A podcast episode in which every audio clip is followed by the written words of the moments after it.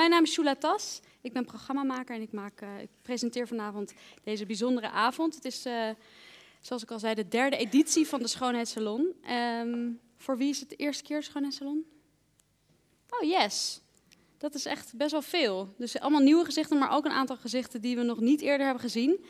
Um, voor die mensen zal ik nog even kort vertellen hoe dit tot stand is gekomen. Um, de Schoonheidssalon is een uh, samenwerking met de Rode Hoed en de Bovengrondse. En de Bovengrondse is een feministisch collectief, doetank, platform, hoe je het wil noemen. Um, die, is, die is opgericht na een avond zoals dit. Eigenlijk uh, naar aanleiding van een mailinglijst die we hebben opgesteld. Uh, omdat we mensen bij elkaar wilden brengen. En uh, de Schoonheidssalon is een van de plekken waar we samenkomen. Maar de Bovengrondse organiseert dus meer dingen, zoals een feministische brainstorm, waar je ideeën kan pitchen en mensen kan vinden voor de projecten waar je mee bezig bent. Uh, we, doen, we organiseren ook een leesclub. Dus uh, mocht je het leuk vinden, je kan je inschrijven voor de Bovengrondse. Um, en de Schoonheidssalon is een avond over, uh, waar, we, waar we feministische thema's op een lichtvoetige manier bespreken. En vanavond gaan we het hebben over de gecompliceerde relatie tussen social media, internet en feminisme. We gaan de kracht, maar ook de valkuilen en gevaren onderzoeken eigenlijk van, van, van social media. Um, met eigenlijk de hoofdvraag, hoe kan digitaal feminisme ons verder helpen? Daarvoor hebben we een aantal gasten uitgenodigd en we gaan in een uh, panel van drie feministen die allemaal op, op hun manier met hun werk voornamelijk in aanraking komen met uh, feminisme in de digitale wereld. Um, en we gaan ook in gesprek met het publiek. Jullie zien daar twee uh, microfoons staan, dus mocht je vragen hebben, schroom niet. Uh, dat vinden we heel erg leuk. dit is een gesprek met elkaar, dus voel je vooral vrij om de microfoon te pakken. Um, maar voordat we echt aan, het, aan de bak gaan, hebben we ons de vraag gesteld: digitaal feminisme, wat is dat nou eigenlijk? En daarvoor hebben we iemand uitgenodigd die ons een beetje gaat kaderen, die een beetje theoretisch kader gaat schetsen. Uh, en dat is niemand minder van dan dokter Sanne Koevoets. Zij promoveerde in 2013 gender studies, in gender studies aan de Universiteit Utrecht. Ik heb daar ooit nog les van haar gehad. Daarom vind ik het heel leuk dat ze hier vanavond is. En momenteel doseert ze mediatheorie aan de VU. Dus geef haar een hartelijk applaus, dokter Sanne Koevoets.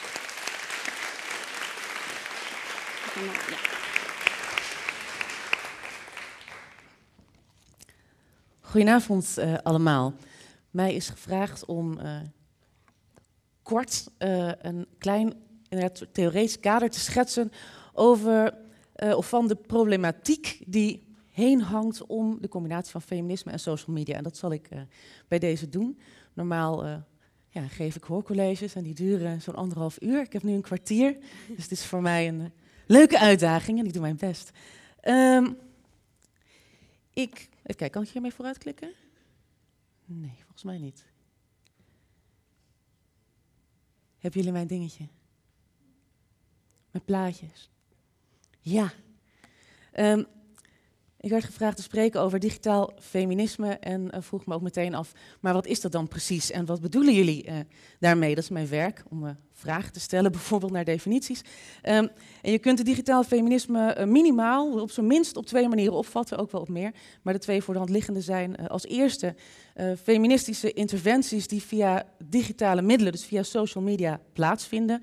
Um, en dan denk je bijvoorbeeld aan actuele zaken zoals de MeToo, uh, hashtag, side-by-side selfies, um, feministisch gedachtegoed dat zich online verspreidt, of bijvoorbeeld feministische activisten die zich via social media organiseren. Bijvoorbeeld zoals jullie wellicht via een social media post hebben gehoord over dit evenement en hier zijn gekomen. Um, de tweede manier waarop je het kunt opvatten is um, feministisch activisme dat gericht is op het rechttrekken van ongelijkheden in de digitale wereld. Ongelijkheden geproduceerd door uh, digitale media en door social media. Ik denk dat beide uh, invullingen uh, belangrijk en relevant zijn. Dat is er één te ver. Huh? Ja. Um, bij die eerste interpretatie, namelijk feministen die digitale middelen gebruiken, uh, klinkt uh, een soort echo door van een eeuwenoud verhaal over de mens als meester van de techniek. Dat is trouwens uh, van oudsher een gegenderd verhaal. Dat gaat over de man als meester der techniek. Het gaat op zijn minst terug tot de mythe van Prometheus, de ontstaansmythe van de, van de technologie. Um, nou ja, het is een lang verhaal, maar ik hou het kort. Uh, Prometheus, een van de titanen, um, die uh, hield zich bezig met het uh, maken van dieren en mensen. En al die dieren die kregen nou ja, iets handigs mee om zich te kunnen handhaven in de grote gevaarlijke wereld. Dus de leeuw die kreeg tanden en de schildpad kreeg een panzer. En toen ze bij de mensen aankwamen, toen waren alle handige hulpmiddelen op. Dus wij hadden niks, we hadden een zacht velletje, we kregen het koud, geen scherpe tanden. We waren ook niet heel sterk en niet buitengewoon slim. Dus um, Prometheus vond dat wat zielig voor de mens, dat wij er zo, voor de mannen, um, want er waren alleen mannen, dat de man er zo bekaaid af was gekomen. Dus die stal van Zeus, um, uh, dat heet het sperma, dat was uh, nou ja, de vlam der wetenschap en techniek. Dus de mens kreeg, de man kreeg het rationeel denkvermogen, dus de wetenschap en de techniek tot zijn beschikking om nou ja, in de wereld te kunnen overleven. Dat is een mythe waarbij uh, de man wordt gezien als meester van techniek, maar ook um, techniek als iets wat heel erg inherent is aan de mens. Techniek als hetgene wat de mens tot mens maakt. Dan kun je afvragen of wij, uh, de mannen, maar ook de vrouwen, die techniek wel meester zijn in dit tijdperk van de smartphone. Um, zoals je hier ziet. Uh, enerzijds uh, lijkt het alsof wij uh, steeds een handig apparaatje op zak hebben dat ons nou ja, de beschikking geeft over nou ja, mogelijkheden om in contact te komen met elkaar, dit ons toegang geeft tot allerlei informatie die uh, handig voor ons is. Maar anderzijds, en ik zal vast niet de enige zijn die dat zo ervaart, voelt het steeds vaker alsof wij degene zijn die geacht worden steeds ter beschikking te staan van dat apparaat. Uh, dat wij degene zijn die geacht worden om steeds um, beschikbaar te zijn om te sharen, te liken, uh, te reageren en te communiceren. Dus wie of wat is nou eigenlijk de baas? Is het de mens die de techniek kan inzetten voor onze eigen doeleinden, bijvoorbeeld feministische doeleinden? Um, of is het de techniek die op bepaalde wijze beslag op ons legt? Uh, dat is een centrale vraag in de techniekfilosofie, dat vind ik zelf erg interessant. Maar dat is ook een vraag waar hedendaags feminisme zich mee bezig moet houden. Um, uh, hoe zit die machtsrelatie tussen mens en techniek eigenlijk in elkaar? Even kijken. Ik hou er nog eentje terug, geloof ik. Nee. Um, nou ja, goed. Techniek, uh, dat is uh, enerzijds een middel dat wij kunnen inzetten om politieke verandering te bewerkstelligen. Um, maar het produceert ook nieuwe vormen van ongelijkheid. Uh, we leven inmiddels in een datamaatschappij um, waar in toenemende mate allerlei algoritmen onze toegang bepalen. Niet alleen um, nou ja, tot informatie, bijvoorbeeld wat op je nieuwsfeed terechtkomt, maar ook, uh, dat zit er aan te komen, uh, nou ja, hoeveel je moet betalen voor je ziektekostenverzekering en of je daar überhaupt voor in aanmerking komt. Um, dus er is sprake van wederzijdse beïnvloeding. Um, uh, aan allebei de kanten. En dat um, betekent dat de vraag hoe wij een betere wereld uh, scheppen, hoe wij van de digitale maatschappij een meer rechtvaardige maatschappij maken, uh, dat dat een complexe vraag is. Dat wil ik graag illustreren aan de hand van drie voorbeelden, waaronder um, deze. Um, recentelijk schreef een student van mij, een masterstudent, deed onderzoek naar dit soort side-by-side -side selfies. ik denk een goed voorbeeld en een beeldend voorbeeld van digitaal een digitaal feministische interventie. Um, je uh, ziet hier enerzijds dat vrouwen uh, een bepaalde mythe proberen te ontmaskeren. De mythe van de schijn van het perfecte lichaam, die ook op social media circuleert. Um, vrouwen nemen dus de beeldvorming in eigen handen. Eigenlijk een voorbeeld van de emancipatoire mogelijkheden van sociale media. Maar aan de andere kant, als je vanuit de andere richting kijkt, en ik denk dat dat belangrijk is, um, dan um, zie je ook dat dit soort uh, populaire Instagrammers bijvoorbeeld vaak gesponsord worden. Dat um, wat zij posten ook moet uh, voldoen aan bepaalde normen van representativiteit die sponsors bijvoorbeeld van hen eisen. En representatief uh, in de marketing betekent over het algemeen nog steeds normatief. Um, ten tweede heb je überhaupt toegang nodig tot de middelen om dit soort inmiddels zeer professionele mediaproducten te kunnen produceren. Populaire Instagrammers, dat zijn geen buurmeisjes die spontane kiekjes uh, klikken. Nee, dat zijn mensen die echt op professionele wijze um, een bepaald mediaproduct leveren. En je moet toegang hebben tot de middelen daartoe. Um, dit soort vrouwen die maken dus gebruik van de middelen van techniek, maar hun succes is ook afhankelijk van hun eigen aanpassing aan de eisen van die techniek. Dus wederzijdse beïnvloeding. Tweede voorbeeld van relevante kwesties voor het digitale feminisme of feminisme in de digitale wereld uh, is uh, de uh, kwestie van filterbubbels. Um, interventies zoals bijvoorbeeld de MeToo-beweging en dat soort side-by-side -side selfies, die lijken een enorm bereik te hebben. Maar wie worden eigenlijk bereikt? Ja, ik wel, maar ik was al feminist voordat deze beelden gingen circuleren. Um, en op social media krijgen wij informatie uh, uh, die al gefilterd is, die gefilterd is, gepersonaliseerd is op basis van je eigen eerdere voorkeuren. In 2012 publiceerde Eli Pariser een interessant boek, getiteld The Filter Bubble, um, waarin hij de zorg uitsprak dat wij daardoor steeds meer gaan leven in bubbels waarin wij alleen maar in contact komen met de ideeën van gelijkgestemden. Waarmee je gaat leven in een soort schijnwerkelijkheid waarin het lijkt alsof de consensus overeenkomt met jouw eigen opvattingen. Mijn uh, Facebook newsfeed is daar een goed voorbeeld van. Daar vind ik alleen maar andere feministen die net zoals ik zich zorgen, maken over dezelfde zaken. Um, maar is dat wel een goede weerspiegeling van de wereld waarop mijn activisme zich moet richten? Filterbubbels zijn zeker um, een bron van zorgen voor um, praktisch digitaal feminisme. En het derde voorbeeld. Um, hoe lang heb ik nog? Nog uh, vijf minuten. Nog vijf minuten, perfect. Derde voorbeeld, dit is uh, mijn pet peeve die altijd benoemd moet worden. Ik weet iemand wie dit is? Mm -hmm. Nee, ja, dat komt dat ik wat ouder ben dan de meeste, of veel van de vrouwen hier. Dit is de baby van de Clear Blue reclame. Dat is een reclame voor vruchtbaarheidstests. Uh, en sinds een aantal jaar, jaar of vier of vijf, word ik online achtervolgd door deze baby. Um, deze baby en Activia-reclames, by the way. Um, ik word achtervolgd door deze baby op haar spookachtige wijze. Uh, dat wil zeggen dat hè, mijn profiel, dat Google weet dat ik een vrouw ben van bepaalde leeftijd, ergens in de dertig zonder kinderen. En wat Google ook nog doet, is steeds sterker suggereren dat ik daar misschien eens wat aan zou moeten gaan doen. Wat ik niet van plan ben, Google. Um, de Clear Blue Baby, die laat mij niet met rust. Die kom ik tegen op Facebook, maar die kom ik ook tegen als ik gewoon uh, nou ja, een artikeltje probeer te lezen online. Uh, die kom ik tegen op mijn smartphone, maar ook op mijn computer op het werk. Uh, de Clear Blue Baby is nou ja, mijn arch nemesis geworden de afgelopen jaren. Um, en die is een beetje creepy, vooral als je bedenkt um, dat algoritmen nu bepalen welke info uh, informatie je ziet op basis van zo'n online profiel, wat van ons allemaal bestaat. Wat trouwens volledig onafhankelijk is van het feit of jij Facebook hebt gedelete recentelijk of niet. Um, dus uh, uh, die algoritmen bepalen welke informatie je te zien krijgt, maar die gaan in toenemende mate ook je materiële toegang tot allerlei diensten en voorzieningen bepalen. Um, Daarnaast is die uh, Clearblue Baby super zorgwekkend als je ook bedenkt dat bijna niemand eigenlijk weet wat een algoritme eigenlijk is, alleen dat ze belangrijk zijn. Um, laat staan dat uh, wij weten hoe die algoritmen precies werken.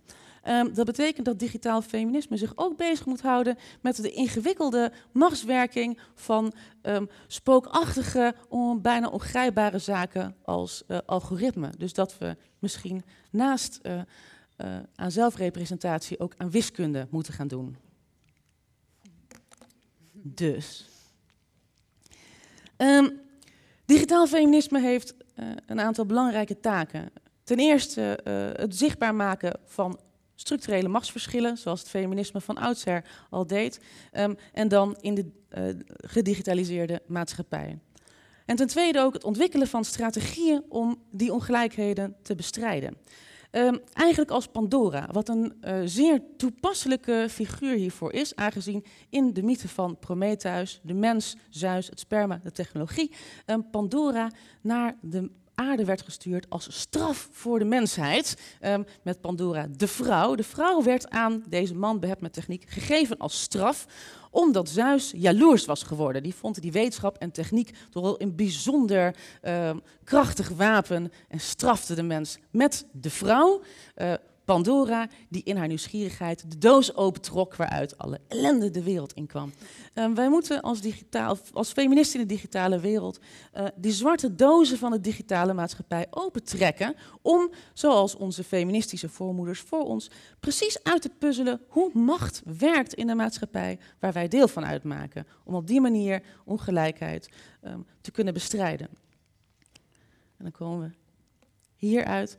En misschien is dit eigenlijk nog een mooiere figuratie van wat wij uh, als feministen in de digitale tijd zouden moeten doen. Dit is een afbeelding van een kunstwerk op uh, cover van een boek van Donna Haraway, uh, vooraanstaand feministisch biologe en wetenschapsfilosofe, die de gevleugelde woorden sprak: I'd rather be a cyborg than a goddess.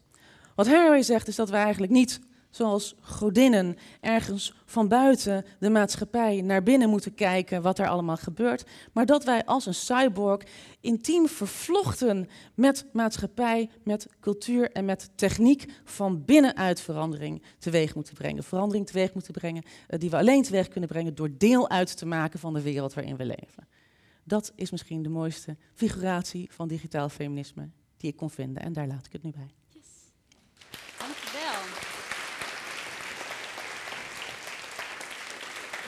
Dankjewel. Ja, ga lekker zitten. Uh, Sanne heeft zojuist inderdaad een college van ongeveer anderhalf uur weten te vatten in vijf minuten. En ik kan me voorstellen dat er heel veel vragen zijn. Um, en daar is zometeen voldoende ruimte voor. Maar ik ga eerst even de rest van het panel voorstellen. Um, we beginnen met uh, iemand die uh, journalist is, columnist en programmamaker. Uh, voor onder andere NRC en BNN-VARA. En ze, ze schrijft heel veel over het onderwerp emancipatie. Geef haar een hartelijk applaus. Hier is Clarice Gargert. Yeah.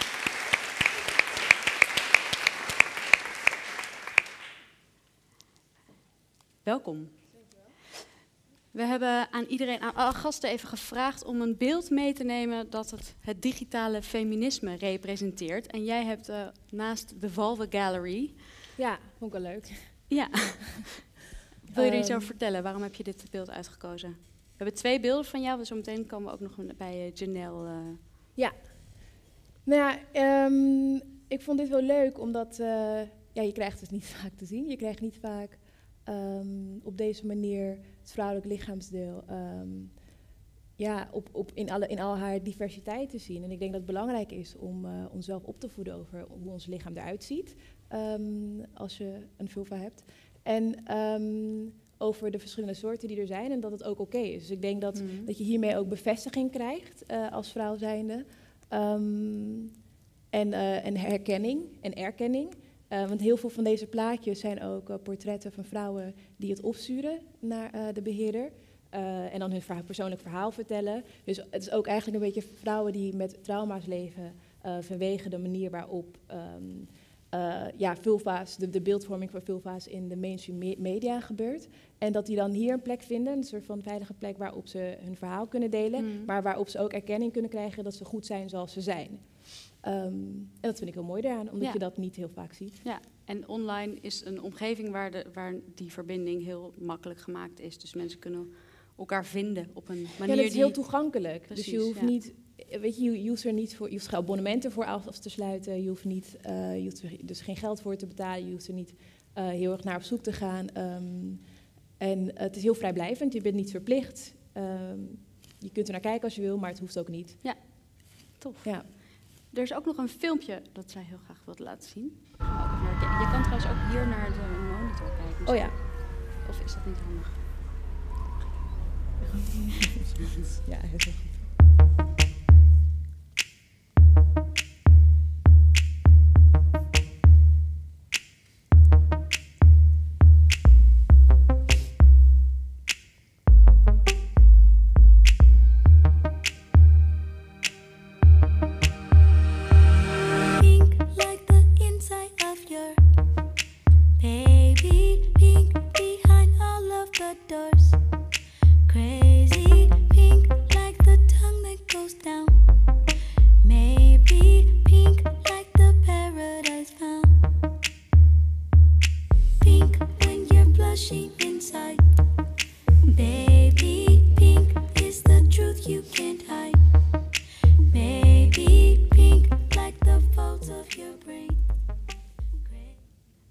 we kunnen helaas niet vier minuten laten zien. Maar wie, ken, wie kent dit filmpje allemaal?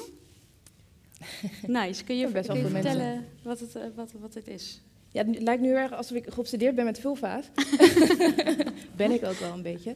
Maar eh, het is ook eh, gewoon een coole intro. En ehm, ik denk ook wel exemplarisch voor deze tijd. Dat heel veel ehm, vrouwelijke artiesten ehm, ja, een soort van ode brengen aan de vrouw, aan zichzelf. Het is een soort van lofzang. En eh, wat ik heel erg interessant vind hieraan is ook uh, nou, Janelle Monáe. Dat is een uh, artiest, zangeres. Um, en dat zij hier volgens mij na deze videoclip een interview gaf. Um, en dat ze uit de kast kwam in de Rolling Stone, dat ze uit de kast kwam als pansexual. En dat toen daarna in de Verenigde Staten het woord pansexual een van de meest gegoogelde woorden was. Ja. ja. ja. Dus ik vind dat is ook digitaal feminisme, dat we dus nu toegang hebben tot zo'n zoekmachine als Google. En dat als zo'n feministisch icoon, uh, een queer vrouw van kleur als Janelle Monáe, um, ja, uit de kast komt. Um, en uh, uh, dat mensen willen weten, weet je, wat het is. Dus het heeft ook een soort van um, educatieve functie. Mm, ja. De educatieve rol die je kunt vervullen met je digitaal feminisme. En daar, daar vond ik dit een goed voorbeeld van. Ja, cool. Weet iedereen wat een pansexual is? Misschien is dat wel... Heb je het niet gegoogeld? Nee. Heb je niet gegoogeld inderdaad? um, Kun je dat uitleggen? Ja, dat is eigenlijk... ja, dat is als je valt op iedereen. Daar komt een beetje, het is een seksuele geaardheid en het komt erop neer dat je eigenlijk um, op mannen, vrouwen, uh, non-gendered mensen valt, trans. Ja. Ongeacht dat, je, gender. dat is gewoon op alle gender, dat je op alle genders valt en, en alle dat, soorten het is, personen. Het is een, een veel gekozen term instead of bisexualism, heb ik begrepen, omdat het meer inclusief is, omdat bisexual is nog steeds die nog heel binair, biseksualiteit en ja. met panseksualiteit dat is gewoon ja meervoudig. Dus ja. het is gewoon. Je cool, en dat weten wij via Google. Althans, ik wist het ook niet voordat ik. Um, als u uh, beest aantrekkelijk vindt, dan zouden die erbij horen, ja. Maar het gaat volgens mij voornamelijk om mensen, ja. Tof, dankjewel. Het is tijd voor de volgende gast. Uh, zij werkt voor Mem Mama Cash, een internationaal fonds voor uh, feministisch activisme. En momenteel ontwikkelt ze een project op het snijvlak van feministische kunst en activisme, waarbij, waar, waarvan het bezoek aan de Guerrilla Girls afgelopen uh, uh, 8 maart de, de aftrap was. Geef haar een heel hartelijk applaus. Hier is Emma Herman.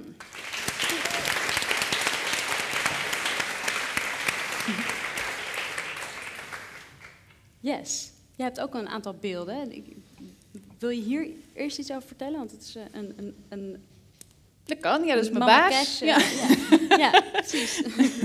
um, nee, dit is een, uh, een fotootje van uh, mijn baas met een, een plaktatoeage die we hadden gemaakt voor een campagne, ik denk een jaar geleden of zo. Dat was de My Body is Mine campagne. En het was eigenlijk een uh, campagne waarin we heel erg wilden praten over totale autonomie, over je lichaam, zeggenschap, vrijheid, plezier, veiligheid. En we deden dat door die tatoeages, die plaktatoeages uh, uit te delen en mensen uit te nodigen om foto's daarmee van zichzelf mm. op social media te plaatsen. En dat was, ja, dat, dat, dat ging best wel een eigen leven leiden. Op een gegeven moment waren natuurlijk, uh, nou, we zijn zoals je zei een fonds voor feministisch activisme, dus we hebben contacten met activisten over de hele wereld en die gingen dat ook plakken. Um, en ja, dat, we merkten hoe dat soms kan gaan online, hè, met dit soort dingen, zoals dat natuurlijk ook met MeToo in zekere zin gebeurde. Um, dat mensen daar heel veel kracht uit haalden. Um, zelfs in zo'n mate dat er uh, we op een gegeven moment een mailtje kregen van iemand die die tatoeage ook daadwerkelijk heeft laten zetten. Dus wow. ja, het was, was nogal wat. Het was voor ons Ja. ook nogal een verrassing eigenlijk dat dat, dat, dat zo'n lading kreeg voor mensen. Ja. En tegelijkertijd, en daar hebben we het natuurlijk vanavond ook over, um, gaf het ook een klein beetje verwarring, omdat wij zijn ook een fonds en wij willen dus ook fondsen werven, zodat we dat geld weg kunnen geven. Ja. Dus voor ons, als we zo'n campagne maken, dan gaat het ons ook. We hebben daar ook een andere agenda bij. Het gaat Mhm. ons niet alleen om empowerment, het gaat ons ook om naamsbekendheid en Ja. uiteindelijk donateurs werven. Ja. Dus dat is, eh, nou ja, dit illustreert in die zin wel een beetje een van de, Al een beetje een van de... eh, ja, een van de, de plekken waar het een beetje schuurt soms. Ja, precies. Ja, mooi. En ook jij had ook een filmpje, kunnen we die ook zien?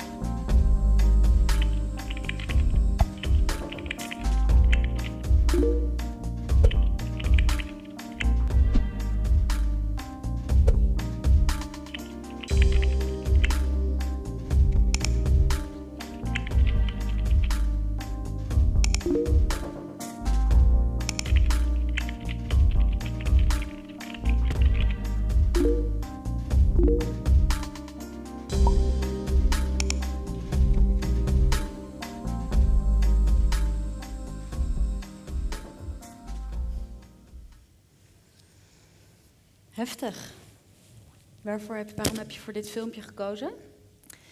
Dit filmpje is gemaakt door een groep die heet Feminism in India. Dat is een groep waar we mee werken met Mama Cash. En het is een groep ehm, jonge vrouwen die een te gekke blog hebben trouwens. Uh, Feminism in India. Dot, weet ik even niet. Ehm, eh, veel eh, in Hindi, maar ook een hele hoop in, in het Engels. Eh, dus echt leuk om even te kijken. En dit is een campagne die ze hebben gemaakt over veiligheid online. Ehm, en ik wilde dat graag delen, omdat het, ik vind dat ze heel goed laten zien dat uh, de online wereld eigenlijk een verlengstuk is Mm. van onze fysieke wereld. En dat uh, zij noemen, zij kiezen heel bewust voor de terminologie violence against women, wat natuurlijk echt geweld tegen vrouwen of gender-based violence, die Mm. terminologie die we in het feminisme um, hanteren om het te hebben over intiem partnergeweld uh, en andere vormen van gender-based violence. En zij, zij zetten dus online harassment en alle vormen daarvan in het verlengde daarvan. Ze Ja. laten zien, hè, je, ze zien, laten ook zien hoe weinig het gerapporteerd wordt en de redenen waarom. Ze hebben onderzoek daarnaar gedaan. En vrouwen zeggen precies dezelfde dingen als, uh, als het gaat om geweld op straat. Hè. Ik word toch Ja. niet serieus genomen, het duurt heel lang, uh, ik schaam me ervoor. Al die dingen zijn Mhm. uh, gewoon uh, in één continuum met wat we al kennen van de offline wereld. Ja. Ja, het is grappig, want eh, eigenlijk had jij een heel mooi eh, een filmpje dat heel erg de verbinding en de positieve kant van dat online feminisme. En ik heb, als ik dit filmpje kijk, dan word ik er eigenlijk een beetje bang van misschien wel. Van, oh ja, er, het is ook gewoon heel gevaarlijk. We zetten ons ook, eh, eh, eh, ja, we, we stellen ons ook bloot. Kwet- we zijn heel kwetsbaar. Is dat, is dat, deel Ja. dat of is dat Ja, het niet komt waar- ook door dat vreselijke muziekje eronder misschien. Met de vervolgende campagne kunnen ze daar iets anders onder zetten. Uh, maar ja, nee, dat is natuurlijk reëel. En dat is ook reëel omdat uh, geweld uh, voor vrouwen en queer mensen ook altijd al heel reëel is geweest. En dus, dus online ook. Ja, ja, precies. Mooi. Wilde je daar iets op zeggen? Nou, nee, ik dacht dat, dat het, want je zegt we maken onszelf wel heel kwetsbaar. Maar ik denk als je al in de samenleving een kwetsbare en gemarginaliseerde positie hebt, dat het alleen maar een soort van gereproduceerd wordt online. Dus het is niet eh, een hele andere soort ervaring. Het is alleen dat het zich in het, weet je, in het digitale leven afspeelt. Ja. Maar in het dagelijks leven heb je dezelfde soort ervaring. Precies. Thanks. Nog één keer een, een beeld waar, wat jij net ook al even liet zien. Eh, eh, dan hebben we het panelgedeelte Hm. afgerond en dan gaan we door naar het, het, eh, het panelgesprek, zeg maar. Kan je vertellen waarom je voor dit beeld hebt gekozen? Eh, precies omdat er, eh, het, het ontwikkelen van ehm, dialoogvormen, eh, eh, manieren om gesprekken te voeren, om ervaringen uit te wisselen, ehm, volgens mij eh, behoren tot nou ja, het feministisch erfgoed wat we hebben gekregen van de generaties Mhm. voor ons. Eh, waarvoor filterbubbels, denk ik, eh, een grote bedreiging vormen. Ehm, juist de wijze waarop online informatie wordt gefilterd en dus eh, andere opvattingen, ervaringen, maar ook nou ja, posts van mensen die zich simpelweg in andere sociale cirkels bewegen dan je eigen, ehm, worden weggefilterd uit je eigen informatiestromen, is denk ik echt een, een, een gevaar voor betekenisvol feministisch activisme en voor, voor feministische dialoog. Dus dat lijkt me zeker iets om eh en af van rekening mee te houden. En, en bij feministische strategieën horen volgens mij dus ook strategieën om uit je filterbubbel te komen. En dat kan, Mhm. dat, dat, dat kun je met eh, een soort zelfbewust internetgebruik.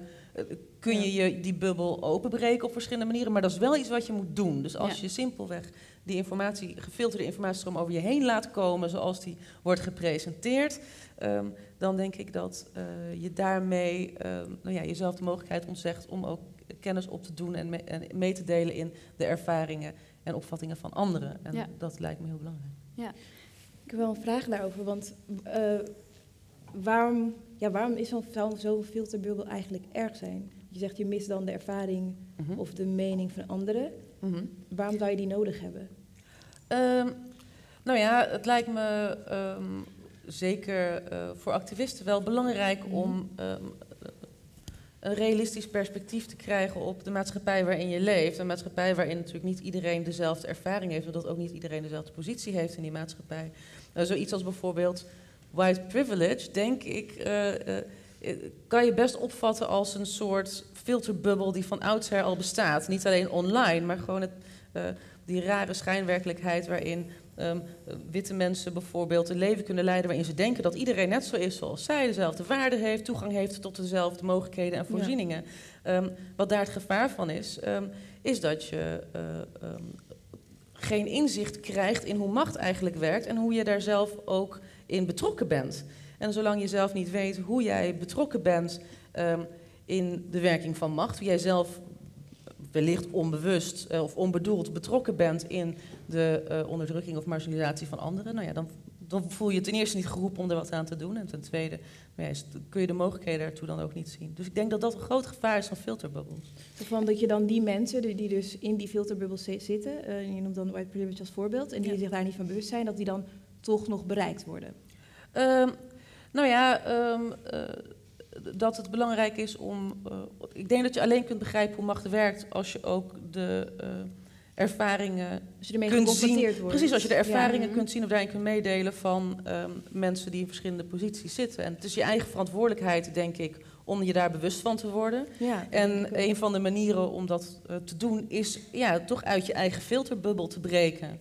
Ja. Eh, Kan je een voorbeeld geven van, van, want je zegt we moeten, je moet daar strategieën voor bedenken. Ja. Eh, Wat is, wat is een strategie die jij hanteert bijv- bijvoorbeeld? Eh, er zijn een aantal interessante mailinglists eh, die bijvoorbeeld het andere ge- geluid laten horen.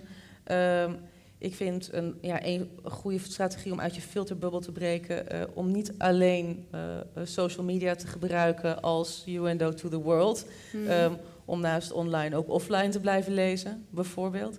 Ehm, ik denk dat ehm, een belangrijke manier om uit je filterbubbel te breken ook is om eh, nou ja, je netwerk eh, zodanig uit te breiden.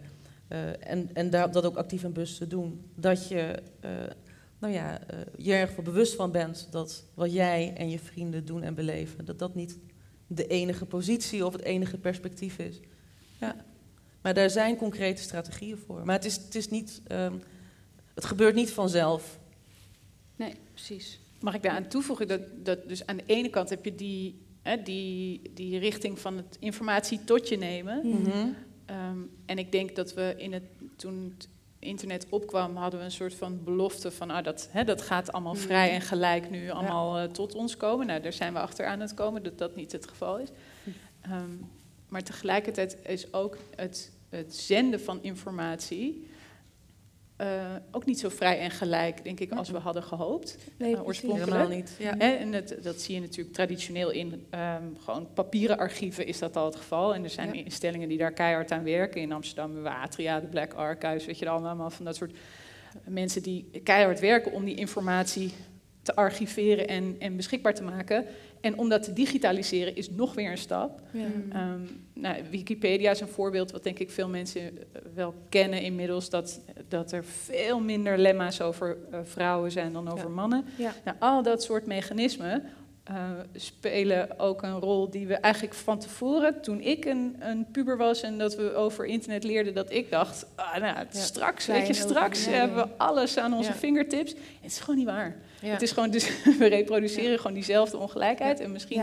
Versterken we hem Ja. nog wel een beetje. Nee, dat is ook waarom ik het vroeg over die filterbubbels. Omdat ik denk dat ze soms ook functioneel zijn voor mensen die juist dus wel eh, eh, eh, heel veel te maken krijgen met online harassment of wat dan ook. Absoluut. Dat het juist Ja. fijn is om in je eigen enclave te zitten. Omdat je wellicht niet er Mm. zit om mensen eh, op te leiden of eh, eh, eh, aan informatievoorziening te doen. Ja. Maar om eh, uit te wisselen met gelijkgestemden.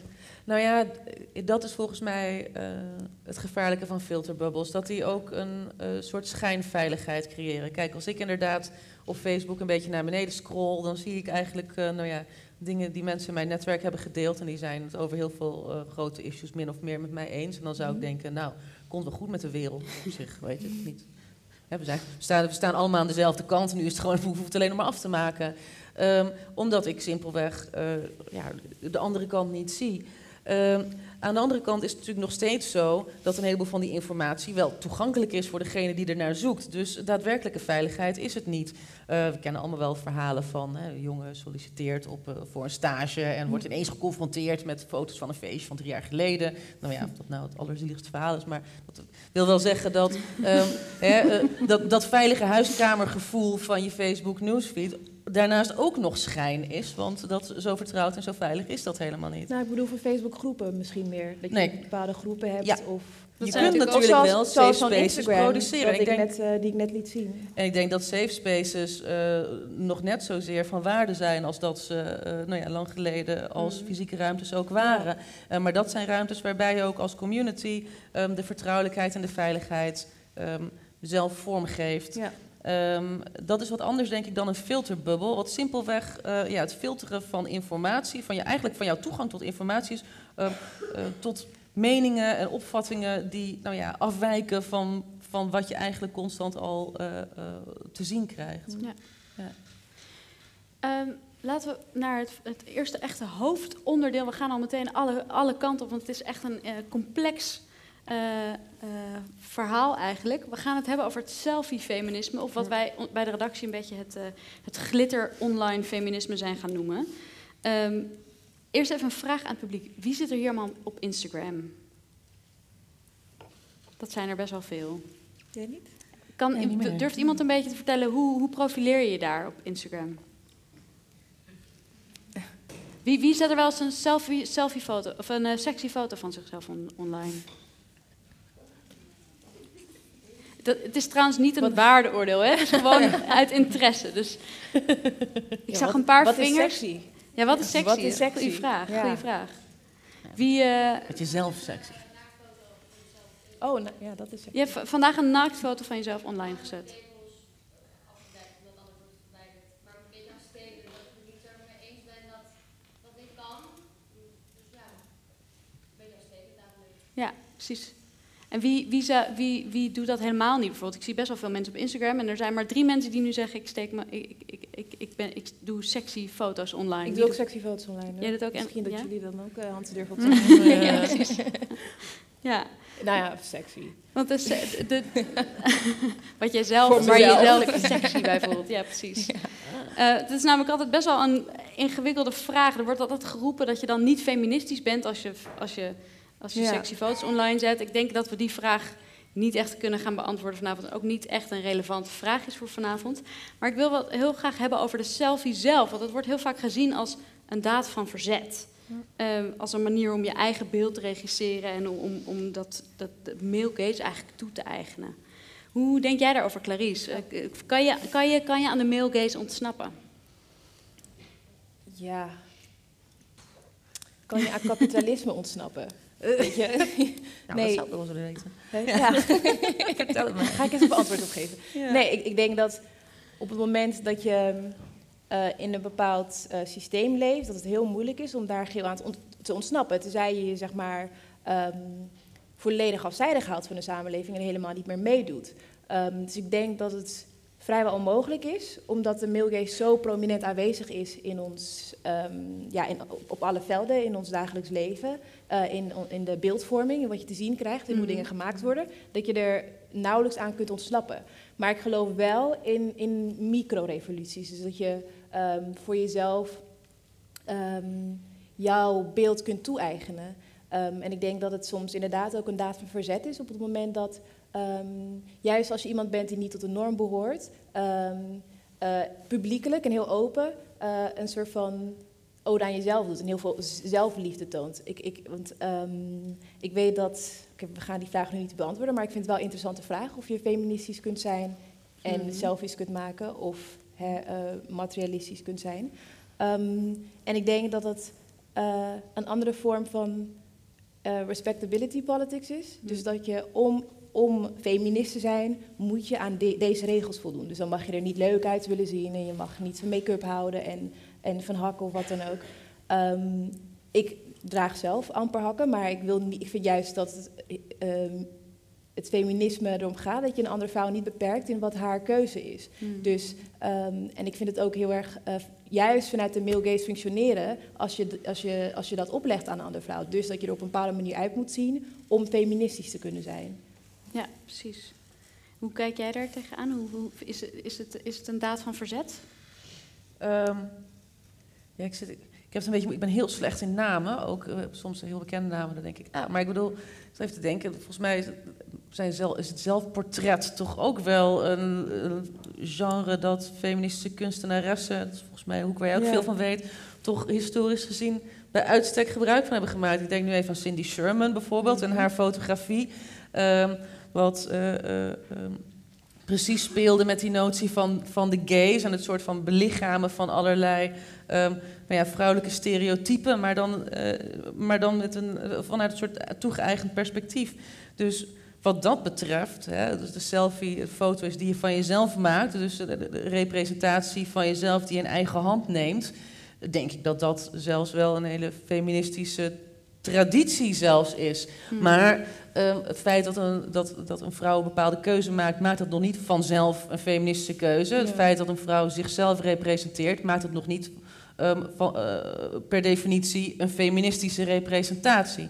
Ehm, ik denk dat een representatie van jezelf of van een ander of van wat dan ook pas feministisch is als het ook ehm, in bepaalde zin rebelleert tegen eh, bepaalde normen die ongelijkheid in de hand werken bijvoorbeeld. En dat dat het criterium is op basis waarvan je kunt zeggen, nou ja, eh, dit is al dan niet een feministische daad. Hmm. Moet je dat dan ook met dat bewustzijn doen? Dus zo van met het bewustzijn dat je rebelleert tegen bepaalde normen. Weet ik niet of je daar bewust van moet zijn. Dat, daar kun je over discussiëren natuurlijk. Het lijkt, als het effect is dat die normen onderuit worden gehaald, ben ik al lang tevreden of je dat nou zo bedoeld had of ja, niet. nee, precies. Ja. Maar eh, nee, maar dat, dat is een discussie die, die je kunt voeren. Maar, maar op zich is natuurlijk niet iedere, eh, nou ja, zoals ik zei, niet iedere keuze die een vrouw maakt per definitie feministisch. Ja. En niet iedere zelfrepresentatie ook per definitie feministisch. Maar als feministische traditie, ja, zelfportret. Ja, dat Ja. kan wel een soort tijdslijn voor de geest halen. Ja. Ja. Ja, jij had het in ons voorgesprek eh, ook veel over de body positive movements. Ja. Kan je daar, wa- wa- wat is daar het verdienste van? Kan je dat een beetje uitleggen? Wat je toen zei. Nou, dat, dat zit hem natuurlijk in eh, het eh, ter discussie stellen van ons, van de schoonheidsidealen die ons op worden gedrongen. Mhm. Ehm, en de, er zijn natuurlijk veel mensen die gebruik maken van sociale media om andere vormen, om andere beelden te laten zien, om andere interpretaties van schoonheid te laten zien. Ehm, het, het risico daar is, is wel, eh, jij stipt het ook al eventjes aan, ik geloof jij ook over, hè, dat je, eh, je kan daarmee ook een soort eh, afzwakking van, je, je haalt de, de scherpste randjes ervan af, Ehm, maar je, je stelt eigenlijk niet de structuur ter discussie. Dus je hebt nu, geloof ik, eh, zo'n topmodel-wedstrijd voor curvy models. Ja, tuurlijk, dat maakt ruimte voor andere lichamen. Maar tegelijkertijd houdt het in stand dat je op een bepaalde manier uit moet zien en je op een bepaalde manier moet gedragen. En hè, dus je, moet wel, je mag wel anders zijn, dat vinden we leuk, maar niet te anders. Ehm, wel een beetje oud met wat kraaienpootjes, maar niet te uitgezakt graag. Want dan Ja. hoeven we je niet meer te zien. Ja. Eh, dus wat dat betreft, kijk, als je een vrouw bent en je bent in de publieke ruimte, dan heeft iedereen altijd wel wat te zeiken. Dus als je dat, als je dat lef hebt om je eh, neer te zetten. eh, nou, jij, jij bent heel erg in het publiek oog. Je- ik kan me zo voorstellen dat je ook wat shit over je krijgt af en toe. Als je dat lef Nou, hebt en als je dat kunt permitteren, ehm, eh, hè, geestelijk, mentaal, als je die weerbaarheid hebt om dat te incasseren, ja, volgens mij moeten we dat alleen maar toejuichen en elkaar supporten om dat te doen. Ongeacht wat het beeld dan is dat jij kiest om naar voren te zetten. Ja. Ja, Ja, het mooie van die body positive movements is natuurlijk dat ze ruimte claimen op een online platform die ze in traditionele media niet krijgen. Dat is wel. eh, ja, dat wou ik zeggen. Dat ik, er, dat ik wel een verschil vind tussen zo'n topmodellenwedstrijd, dat dat Ja. door zo'n eh, productiemaatschappij wordt gedaan, zo'n commercieel productiemaatschappij, dat ehm, meisjes die eh, wellicht, sommigen die onzeker zijn over zichzelf, een beetje uitbuit met zo'n Ja. programma, dan iemand die op Instagram of dus op, weet je, eh, non-traditionele media ehm, een body eh, positivity movement begint. Ik vind dat daar wel, het verschil daarin Ja. is macht. Dat iemand anders eigenlijk dan bepaalt voor jou, dit is het stramine waar jij in moet passen. En je dan ook nog niet eens ehm, genoeg waardeert om jou soort van als volwaardig mens te behandelen of te betalen. Ja. Weet je wat je Mhm. ook zag met die dolfreclames? Of eh, ik heb ook wel, weet je, ik heb heel veel verhalen gehoord over vrouwen die dan in- aan zo'n reclame meedoen die over body positivity gaan, maar dat ze dan niet betaald worden zoals de, de topmodellen. ja. Dan denk ik niet dat je vrouwen echt vol, eh, eh, volwaardig waardeert Nee. in hun volledige zijn. Ehm, maar dat vind ik wel iets anders dan op het moment dat iemand zelf het in eigen handen neemt en bes- een besluit om een positieve representatie van haarzelf te tonen. Ja, Ja. daar heb je helemaal gelijk in. Ja. Ja, dat is inderdaad naast het niveau van representatie eh, natuurlijk een ander niveau waar, eh, waarin de nou ja, we social media als, als een soort economische transformatie ook teweeg heeft gebracht. Hè? Dus dat inderdaad gebruikers van social media niet alleen de consumenten zijn van die media, maar ook de producenten van de Ja. media content. Ja, Ja. Dat, is nog, dat is nog een ander niveau van empowerment, los nog alleen van representatie, ook gewoon wie eraan verdient. Ja, Ja. Hè? Ja. Ja. dat Ja, gebeurt en- nog niet voldoende, vind ik overigens. Absoluut nog niet voldoende. Nee, ik verdien helemaal niks met social media. Het lijkt me niet. allemaal ontzettend intimiderend om daar... Maar dat ja, lijkt me ingewikkeld en eh, veel tijd kosten. Maar het is wel... ehm, het, het heeft Nou, ook te maken met jezelf in leven kunnen worden. Ik bedoel echt Ja. dat, dat er ook input wordt gehaald. Zo van, ehm, eh, er is een nieuwe beweging aan de hand. En dat traditionele media dan naar Ja. Instagram of YouTube gaan en dan vloggers of Mhm. um, als voorbeeld gebruiken. Dus ze gebruiken hun content zonder hen te betalen Ja, voor die content. ja, ja, ja. Dat vind ik tamelijk eh, problematisch. Ja. Ja. We, gaan, we, we rollen al bijna naar het volgende onderwerp. Maar ik wil eerst eventjes kijken of er vragen zijn. Want we hebben echt al heel veel behandeld. Misschien eh, zijn er mensen die dat willen vragen. Don't be shy. Nee? Niemand?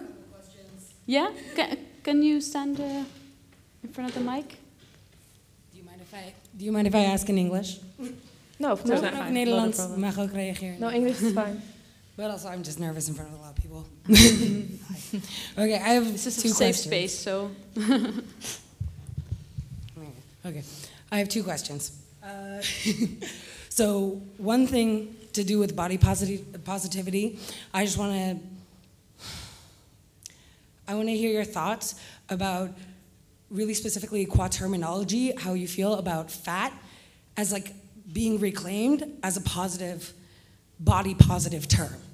That's one. And two, no, wait. I forgot the other one. That one's good. Maybe it'll Thank come you. back to you. Yeah. So who, who wants to answer the, the question about fat? Well, I feel like um, I'm not necessarily in a position to say, you know, what people that identify as that or, um, you know, should call themselves. As obviously I'm not part of that community, so I can be like, oh, you shouldn't call yourself that.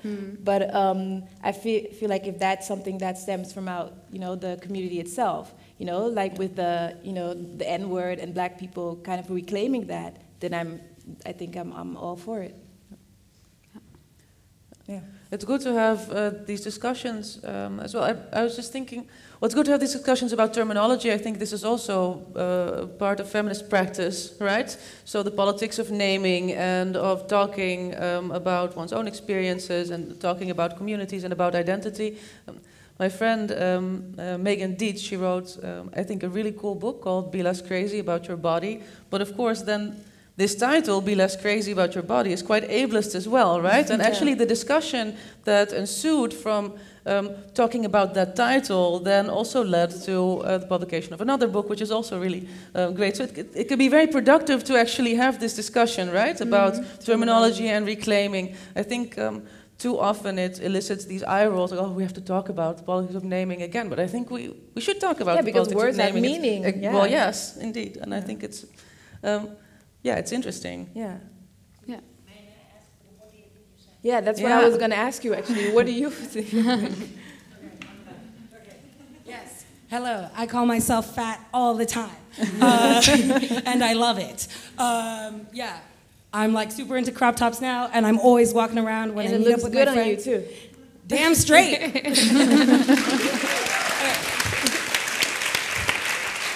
And so many times, like I, whatever, I have fun with clothes, and so many times I'll go up to my friends and they'll be like, "Oh, great outfit, Ada." And if I'm wearing crop top, I make a point to yell at, "Yeah, fatties can wear crop tops too." and nine times out of ten, they're always saying, first reaction is not like, "Yeah, you look bomb ass," but "Don't call yourself fat." And then I call them out directly. Why not? Uh, yeah. Because it's been problematized. The word fat has been problematized and has a negative connotation, you know? So, Exactly, it's considered Like- undesirable. Yeah. Whereas it is literally, I have a bigger body than a lot of my friends. I don't value that as positive or negative. Yeah. And calling myself a fatty and saying I look bomb ass in a crop top Yeah. is a way to express that. yeah. And I think using that is actually a way to deneutralize the word that has, you know, become so um, Charged. negative and so charged. Yeah. Hundo P. Thanks. Thank you. En nog een heel andere vraag, want we hebben hier in het voorgesprek ook gehad over Beyoncé. En dat is een, we kunnen haar eigenlijk niet niet noemen vanavond, ehm, om vele redenen. Maar de reden dat ik er vanavond wil benoemen is omdat wij, wij bij de redactie zijn we een beetje dit glitterfeminisme, het, het Beyoncé-feminisme gaan noemen. Omdat we het, het is een fe- feminisme dat groot en commercieel wordt uitgedragen. Ehm, en jij bent het heel erg eens daarmee, dat heb je wel eens opgeschreven, dat je, dat je, dat je daar een groot voorstand voor, bent. Kun je, kun je uitleggen waarom? Waarom vind je dat zo, zo goed? Omdat ik een voorstander ben van alle soorten feminisme. Ik denk dat, het, eh, dat er niet één manier is om feminist te zijn. En ik denk dat ehm, niet alle, me- alle mensen op elkaar lijken. En dat als je met verschillende rolmodellen bepaalde segmenten eh, van vrouwen en meisjes kunt bereiken, dat alleen maar winst is. En die vrouwen en meisjes kunnen daardoor juist, ehm, denk ik, door iemand zoals Beyoncé, die zo groot en zo mainstream is, makkelijker in ehm, eh, het feminisme rollen en zich dan gaan informeren over wat daadwerkelijk inhoudt. En dan wellicht ook uitgroeien tot een Gloria Steinem, bij wijze van. Weet Ja. je? Dus het is, het, is, het is een proces. En ik denk ook dat het eigenlijk heel veroordelend is om te stellen dat, een, eh, dat, er, dat er maar één manier is om feminist te zijn. En dat ehm, als je commercieel bent of als je ehm, sexy bent, dat je dat, dat je dat dan niet bent. Mhm. Ehm, En de kritiek, die kritiek die erop wordt gegeven, eh, is dat het het feminisme van binnenuit uitholt eigenlijk. Dat er, er, dat er mee wordt weggelopen met grote merken die dan inderdaad op modeshows staat, I am a feminist. En eh, sinds, fem- Ja. sinds Beyoncé heeft ge, maar is dat de geroepen- schuld van Beyoncé? ja. Dat, dat- ja, Dat is de dat- vraag. ik vind dat interessant, dat het allemaal Ja. soort van gere- gerelateerd wordt aan Beyoncé. nee, maar het is natuurlijk, het is niet, natuurlijk niet Beyoncé zelf. Nee, maar het meer fenomeen, jawel. Ja. Je- maar, maar dat, je kunt het probleem ook niet neerleggen bij degene die eh, feminisme aankaart op een commerciële wijze, maar ook bij degene die er misbruik van maken. Mm. Dus de designers die zeggen, ehm, oh ja, we gaan dit even uitbuiten. Mm. En ik denk dat dat meer eh, aan het kapitalisme ligt dan aan de personen die zeg maar, feminisme op, een- op een commerciële wijze op de agenda zetten. Ja, Maar dat is het dilemma dan, hè? want je kunt natuurlijk niet eh, Beyoncé steunen zonder ook de platenmaatschappijen en de hele eh, industrie erachter te steunen, waar vervolgens wel heel wat mee aan de hand is. Dat is precies het dilemma. Nee, denk, dat ja. is wat, wat zo lastig is. Nee, dat is zeker het dilemma. Ehm, maar ik denk dat, je, dat, er, dat er ook een soort van. Ja, dat er een balans in zit. Want ik geloof niet dat er, dat, er, dat er een feminist is of een persoon die volledig soort van ontheven is van kritiek of, of problematiek, omdat we nou eenmaal in een wereld bestaan waarin deze structuren bestaan. Ja. En het gebeurt gewoon op verschillende schaal. En ik denk eh, voor Beyoncé specifiek dat, de rol, dat haar culturele re- relevantie ehm, af en toe, niet altijd, maar af en toe dat problematische ook ontstijgt. Ehm, omdat ze zo vaak de eerste zwarte vrouw is die dit doet. Ze agendeert eh, politiegeweld eh, in, in Amerika. Ehm, hoeveel artiesten kunnen met dat Mhm. platform dat Ja, soort ja. dingen op de agenda zetten? Ja. Ehm, en ik denk dat dat wel enigszins voor eh, balans zorgt. mooi, dankjewel. Het is eh, een mooi bruggetje naar het volgende thema, want dat is namelijk het feit dat online feminisme opereert binnen technologie en binnen het kapitalisme. Dus wie verdient er eigenlijk aan het kapitalisme? Dat is, daar kwam net al even voorbij. We wilden even een filmpje laten zien dat een mooi eh, voorbeeld is. Advertising. Um, Show me what it looks like to run like a girl. My hair. Show me what it looks like to fight like a girl. now throw like a girl. Aw, So do you think you just insulted your sister? no. I mean, yeah, insulted girls, but not my sister. My name is Dakota, and I'm 10 years old. Show me what it looks like to run like a girl. Throw like a girl. Fight like a girl. What does it mean to you when I say run like a girl? It means run fast as you can.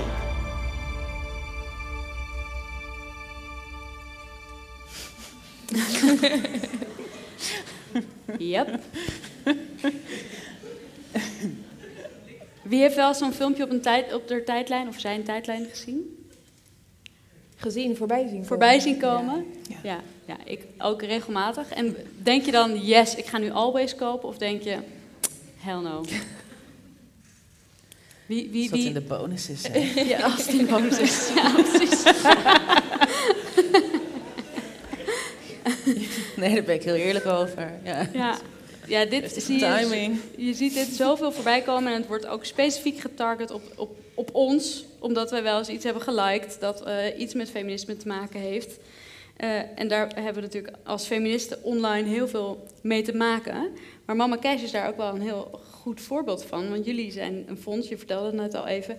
Hoe maken jullie de keuzes hoe welke, welke, welke afslag je inslaat op, eh, per, campagne? Of, Nou, ik denk dat, ehm, dat voor ons eh, is, is het een zaak van daar heel open over zijn. En ik denk dat dat eh, misschien ook iets is wat mensen in de zaal herkennen. Weet je, als je dingen organiseert, eh, als je niemand er wat over vertelt, gebeurt er nooit wat. Kan niemand zich bij je aansluiten, kan niemand meedoen, kan niemand je een vraag stellen, kan niemand je helpen. Dus je moet gaan vertellen over waar je mee bezig bent. En dat eh, moet je toch proberen te doen op een zo aansprekelijk mogende, aansprekend mogelijke Mm. manier. En ehm, vandaag de dag heeft iedereen het natuurlijk over storytelling. Maar goed, eh, dat is ook omdat het een heel erg powerful methode kan zijn. Als je verhalen vertelt over waar je mee bezig bent en wat dat voor impact kan hebben op je, jouw leven, het leven van mensen om je heen, me- mensen om wie je geeft. Dat proberen we met Mama Cash natuurlijk ook te doen, omdat we activisten steunen over de hele wereld. Dat zijn soms mensen die met dingen bezig zijn die voor ons niet alledaags zijn. Als we Mhm. het hebben over eh, Dalit-vrouwen in eh, India die zich bezighouden met hun vrijheid en hun plezier, eh, dan moeten we dat toch op een of andere manier zien eh, uit te leggen Mhm. aan mensen zoals jullie allemaal, die eh, dat interessant mogelijk vinden en dat ook misschien belangrijk vinden en dat willen steunen. Maar als je er niet, niks van weet, dan gaat dat niet gebeuren. Dus wij proberen daar campagnes voor te verzinnen en we vinden het tegelijkertijd, zoals ik net ook al aangaf, soms best wel lastig om dan de stap te maken van iets vertellen iets vertellen wat we belangrijk vinden, iets uitleggen soms. Ehm, mensen in, met elkaar in contact brengen, solidariteit bouwen over grenzen heen. En ook vervolgens de stap te maken naar geld. Ja, en wij zijn een fonds, wij moeten praten over geld. Want geld is cruciaal voor eh, de vrouwbewegingen. Zonder geld blijft het allemaal hobbyisme. En dat vrijwilligerswerk is, is de fundering van heel veel van die movements. Maar het is heel ontzettend belangrijk om daar slagkracht aan te geven met financiële zuurstof. Dus we moeten praten over geld. En we moeten op een gegeven moment ook om geld vragen. Maar eh, ja, als je het hier ziet, dit is natuurlijk zo plat en zo. Ja, je gaat er van.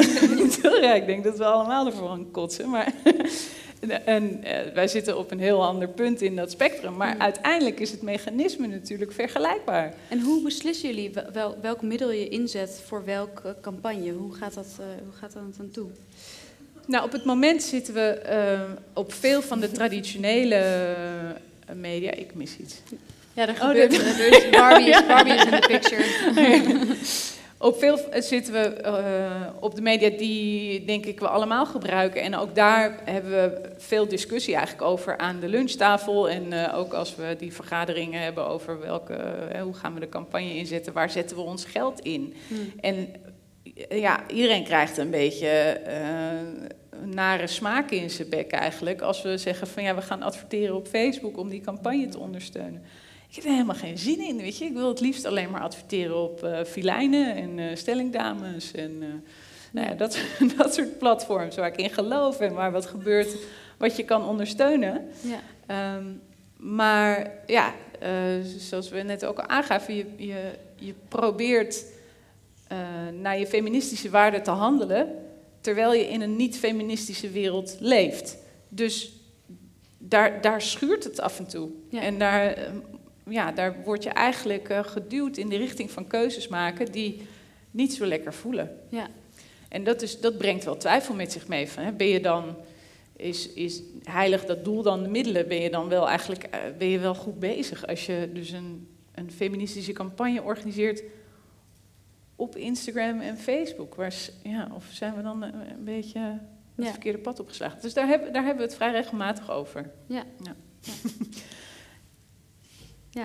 en Facebook is eh, bedacht door een, een, witte man die eh, ooit gewoon lekker chickies wilde raten op zijn, eh, op zijn dormroom. En per ongeluk een van de grootste, machtigste, nee dat is altijd het verhaal natuurlijk, een van de machtigste eh mediaplatforms van de wereld is geworden.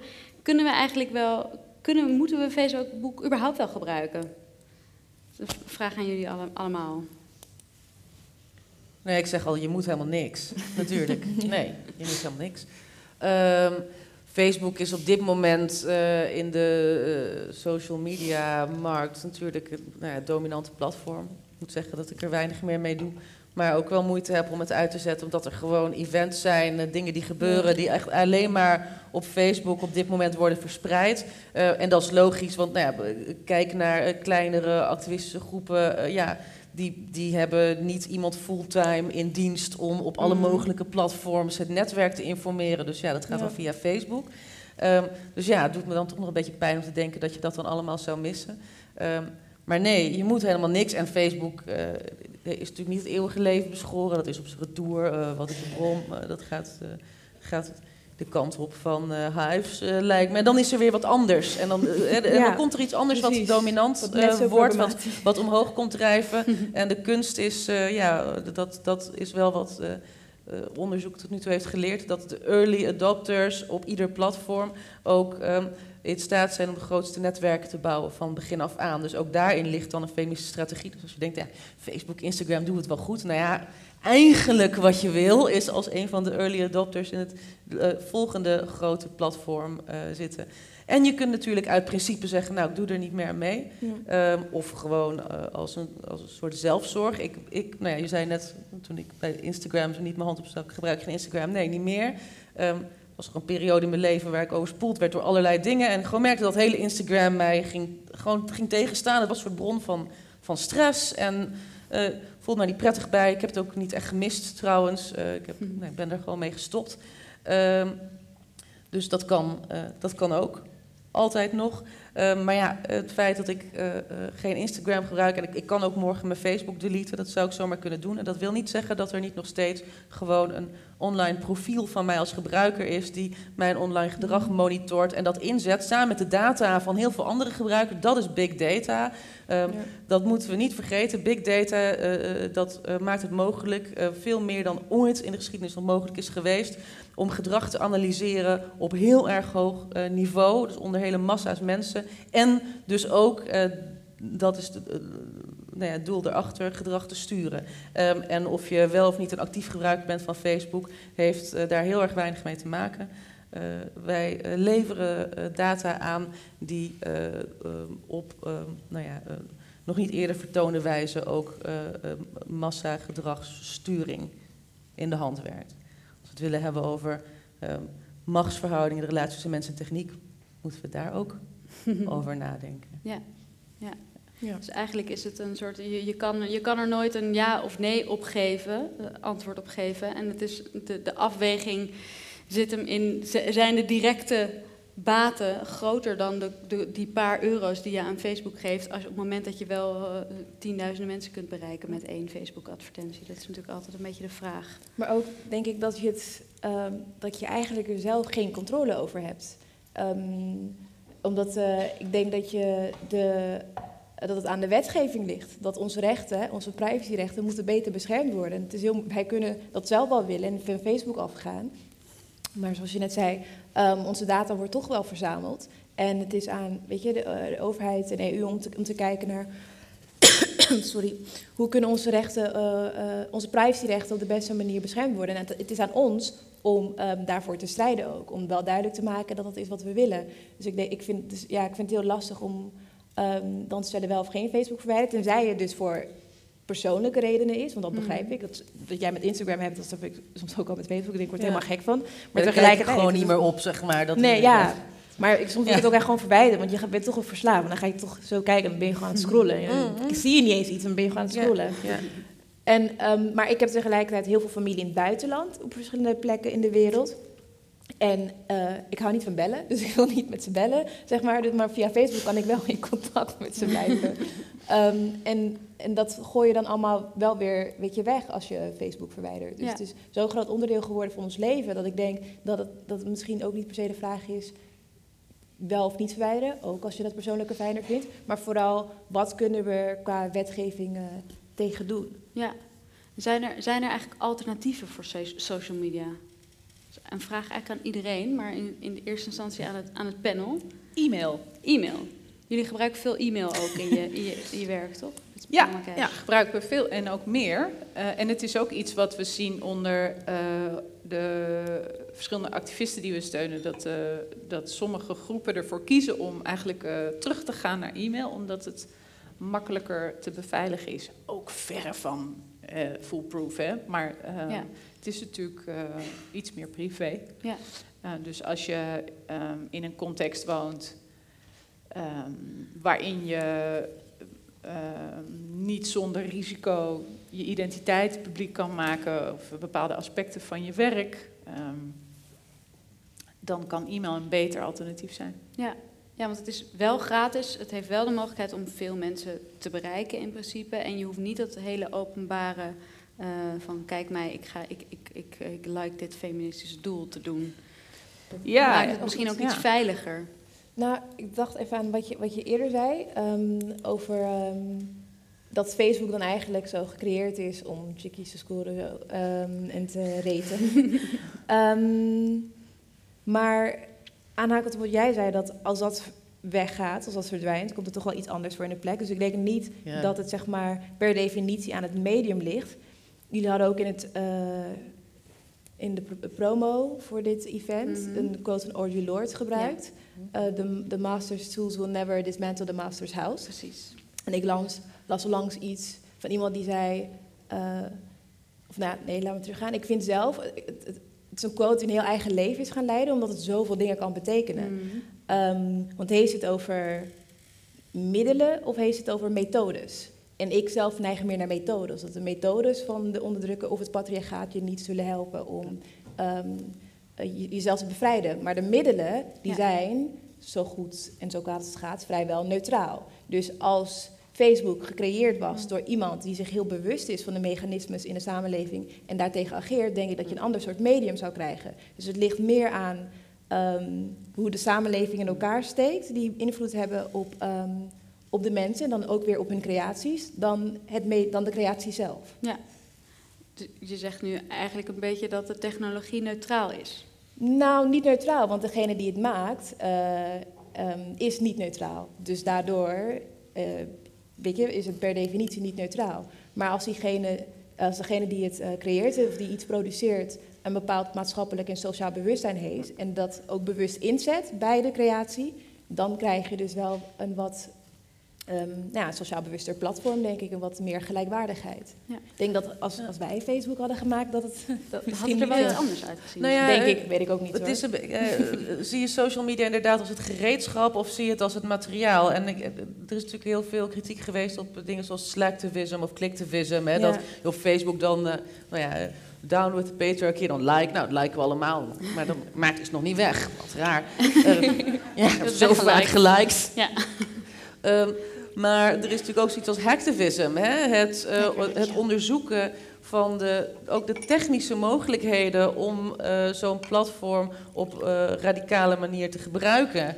Ja, dat, ik heb hier een staan, dank je. Ehm, dat is natuurlijk een beetje hetzelfde oproep als misschien moeten we ons ook eens verdiepen in eh, wat algoritmen zijn en hoe die werken. Nou ja, eh, misschien moeten we ons ook verdiepen in die platforms en hoe ze werken.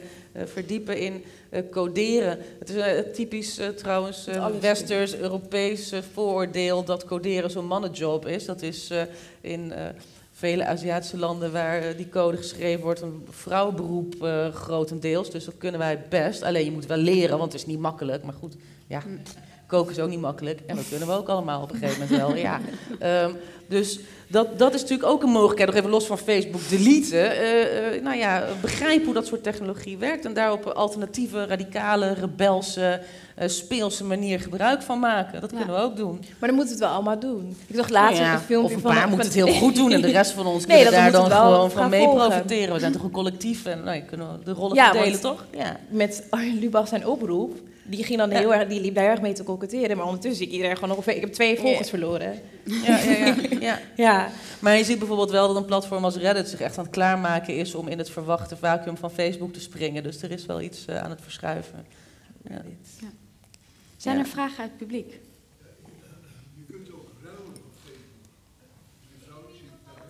Wilt u bij de microfoon praten? Want eh, niet iedereen kan u horen. Je kunt ook ruilen van Facebook. Ruilen van Facebook. Ja, mijn vrouw gebruikt mijn Facebook, dus dan klopt het algoritme niet meer. Ah, Oh ja. slim. Dat is slim. Dus dat kan je doen met je broertje, je kan het doen met je moeder, je kan het doen met, met Ja. je vriend. Ja. En het is ook zo dat als je meer dan twee adressen opgeeft, dan kunnen ze het niet meer volgen. Dan blijven ze jarenlang vragen, eh, waar woont u? Ja. Weet je wel? Dus- Nee, en zo en low- heb ik, heb ik dus drie, ste- ik geef dus steeds drie adressen op. Ik heb nu geen Facebook meer, want Helene gebruikt het. Maar dan op een zeker moment houden ze op om te vragen, waar woont u? Ja. Dus dat zijn misschien Ze hebben- kleine Ze hebben u dingen. opgegeven. En zo low-tech kan social media Ja. hacken zijn. Ja. Een soort, Ja. een soort kraken Zo- een- eigenlijk. dwaalspoor Ja, gewoon Ja. terug naar de oude kraken. Ja. Ja. En Helene heeft eh, haar foto op mijn Facebook. Maar eh, één keer per jaar eh, eh, doen ze een mooi verhaaltje over het profiel van jou met een soort. En dat is dan voor mij, terwijl zij mijn Facebook Nou, De low-tech dus social media hack. Fijne tip. Te, Ja, te verstoren. Ja. Nou, dank u wel. Zijn er nog meer vragen of tips, strategieën? Ja? Kom, wil je naar de microfoon komen? Het gaat nu vooral over de valkuilen van social media. Wat zou je er idealiter mee kunnen halen? Heel mooi. Je, je brengt ons meteen naar de volgende, het volgende onderwerp. Dankjewel. Het is ingehuurd. Ja, precies. Je krijgt straks eh, je tientje. Tientje maar. Ja, want er zijn, het- we hebben het nu allemaal over de valkuilen, over de negatieve dingen, de, de, de, de, de enge gevaren en hoe je het allemaal eh, moet hacken. Maar we hebben natuurlijk ook heel veel al gehaald met social media en met internet. Dus MeToo is een enorm goed voorbeeld. Het heeft in elk geval heel veel eh, eh, aandacht eh, opgehaald. Ik weet nog niet hoe structureel de veranderingen zijn. Dat zal zich in de komende nou ja, jaren moeten gaan uitwerken, uitbetalen, zeg maar. Ehm, maar we hebben ook bijvoorbeeld de, de He for She-actie. Daar hebben we ook, geloof ik, een plaatje van. Of anders hebben we, er was een tijd geleden, heeft Rosanne Hertzberger bijvoorbeeld op Geen, Stijl een boycott van Geen Stijl opgeroepen eh, voor de, voor, eh, voor de marketingmensen die daar allemaal Facebooks naast, naast ha- haatdragende berichten eh, hadden. hadden. Allemaal mensen hadden advertenties naast haatdragende berichten. En zij heeft toen een oproep gedaan en daar echt binnen een dag waren er echt heel veel mensen die hun advertenties weg hebben gehaald bij Het Geen is allemaal Stijl. vrouwen in de media dat ondertekend. Ik ook. Ja, precies. Nee, kijk. Nou, dus er zijn ook hele positieve ehm, manieren. En ik wilde eigenlijk gewoon weten van jullie, hoe gebruiken jullie het op een positieve manier? Kan je daar iets over vertellen, over hoe jij ehm, social media Ehm, gebruikt? Nou, ik denk ehm, sowieso om. Nou, ik zou een voorbeeld geven. Ik schrijf dus columns voor de NRC. Ehm, en ik denk dat niet. Wie heeft hier allemaal NRC-abonnement? Dat is echt lekker, maar ik zie bijna gewoon Ja. dus, ja, precies. Dus jullie komen dan bij NRC terecht via mij, omdat ik dan het deel en omdat je dan ehm, via sociale media en dat je, weet je, dus ik denk dat dat je via sociale media ook een achterban kunt genereren of bereiken die je normaal via traditionele media niet bereikt. En daar zit gewoon een meerwaarde in, omdat ehm, de informatiestroom juist vanuit die soort van ivoren torentjes van de, van de kwaliteitsmedia niet meer terechtkomt bij de mensen waar het juist terecht bij zou moeten komen en over wie het gaat. En ik denk dat sociale media daar een soort van verbindende rol in speelt, mits het goed wordt ingezet eh, door de juiste mensen. Ehm, en ik denk dat het voor mij, eh, nou, dat, ik dat, op, dat ik het op die manier inzet. Ehm, en, ehm, en ik denk ook dat je met sociale media jezelf, jezelf ook toegankelijker kunt maken. Voorheen had je, had je niet toen, voordat je Twitter had en Instagram, Mhm. kon je niet gewoon even naar eh, Beyoncé tweeten, hey, eh, hoe gaat het met Blue Ivy? Niet dat ze nu antwoord geeft, maar ik bedoel, het kan wel. Het kan, ja. ja. en sommige, sommige eh, sterren eh, um, of, of, of um, schrijvers of sporters reageren op hun fans. En op die manier zorg je voor een soort van laagdrempelige interactie met ja, mensen die jou volgen, mensen die je leuk vinden, mensen die je inspireert. Ehm, dus ik denk dat het op die manier alleen maar in je voordeel werkt. En ook door wat ik net liet zien, ehm, met die Instagram movements, eh, zoals de Vulva Gallery, Mhm. eh, heeft het ook een educatieve functie, dat je meer kunt leren over je lichaam. Want het, in de schoolboeken ga je niet dit soort plaatjes zien of dit soort uitleg. En ehm, als je kijkt naar hoe vrouwen in beeld worden eh, ehm, neergezet, alsof of het nou in het nieuws is of in porno, is het altijd een soort van Mhm. geïdealiseerd beeld. Ja. Ehm, en via sociale media kun je dus terechtkomen voor alternatieve verhalen, die eigenlijk niet alternatief zijn, omdat het meer aansluit bij wat normaal is en eh, in de samenleving leeft. Ja, Ja. precies. En eh, Emma, jullie maken met uh, Melma Keijs natuurlijk...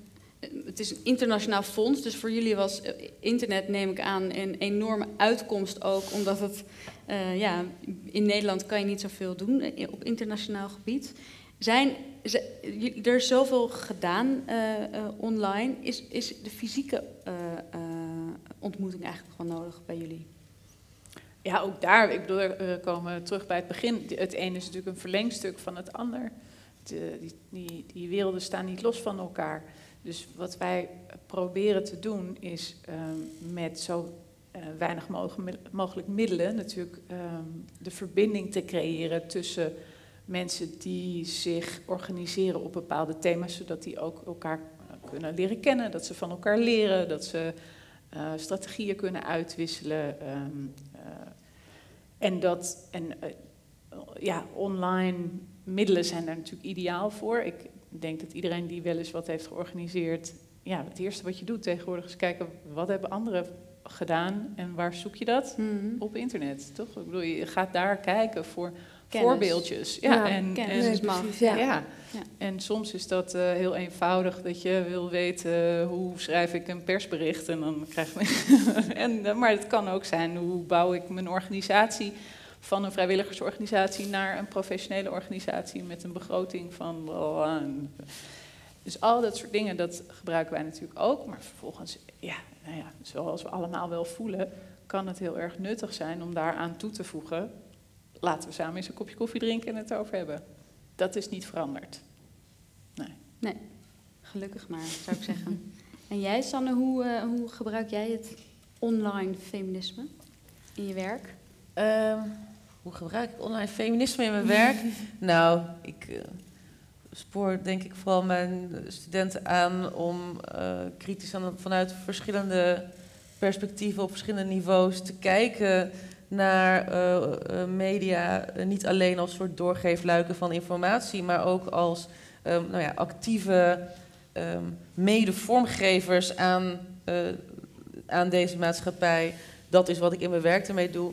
Ehm, persoonlijk post ik al sinds 99, geloof ik, dus tot bijna 20 jaar, op een forum waarvan heel veel vrouwen die toen ook al daar posten. We zijn steeds met z'n allen eigenlijk van nieuw sociaal medium naar nieuw sociaal medium verhuisd. Toen de host van dat forum niet meer kon betalen, toen zijn we gewoon naar... eh, nou ja, zijn we naar Facebook verhuisd, hebben nog een tijdje op Google dinges gezeten. En Oh ja. eh, nou ja, goed. Dus we verhuizen steeds, eh, steeds mee. En toch zijn we als community van zo'n, nou, tussen, ik denk tussen, tussen de 180 en 200 vrouwen ongeveer, redelijk bij elkaar gebleven. We hebben een hechte gemeenschap gevormd waarin ja, een soort warm contact is en wederzijds respect, waarin je dus ook de moeilijke discussies kunt voeren, de moeilijke gesprekken kunt voeren, zonder dat je jezelf hoeft te filteren zoals je zou doen voor een onoverzichtelijk publiek van social media meelezers, waarvan je onmogelijk kunt weten wie dat allemaal zijn. Ehm, dat is, ehm, denk ik, toch wel een van mijn mooiste ja, social media productjes die wij met z'n allen hebben gebouwd eh, over hele lange tijd. Ja. Ja. dat, en, en die ruimte is er ook. Dat kan, dat kun je maken. moet je gewoon doen. Ja. Ja. Clarice, jij zei in het voorgesprek dat het, het, het grootste gevaar eigenlijk van online feminisme is dat het daarbij blijft. Hoe, Ja, dat is hoe, een van hoe de kunnen we daar, hoe kunnen we dat voorkomen? Want we hadden net al even over, over hacktivisme. Nee, eh, eh, Clicktivism? ja, clicktivism. Clicktivism, slechtivism wordt ook Slechtivism. genoemd. Activism. zijn allemaal termen. We, we, we liken iets en we voelen ons goed. Hoe kunnen we dat voorkomen? Hoe, brengen we het weer de, echt, de echte wereld in? Ja, ik, ehm, ik, weet, ik weet niet of het zozeer erg is, omdat ik denk dat er, eh, het online leven, juist omdat het zo'n grote rol speelt in ons dagelijks leven, heel belangrijk is.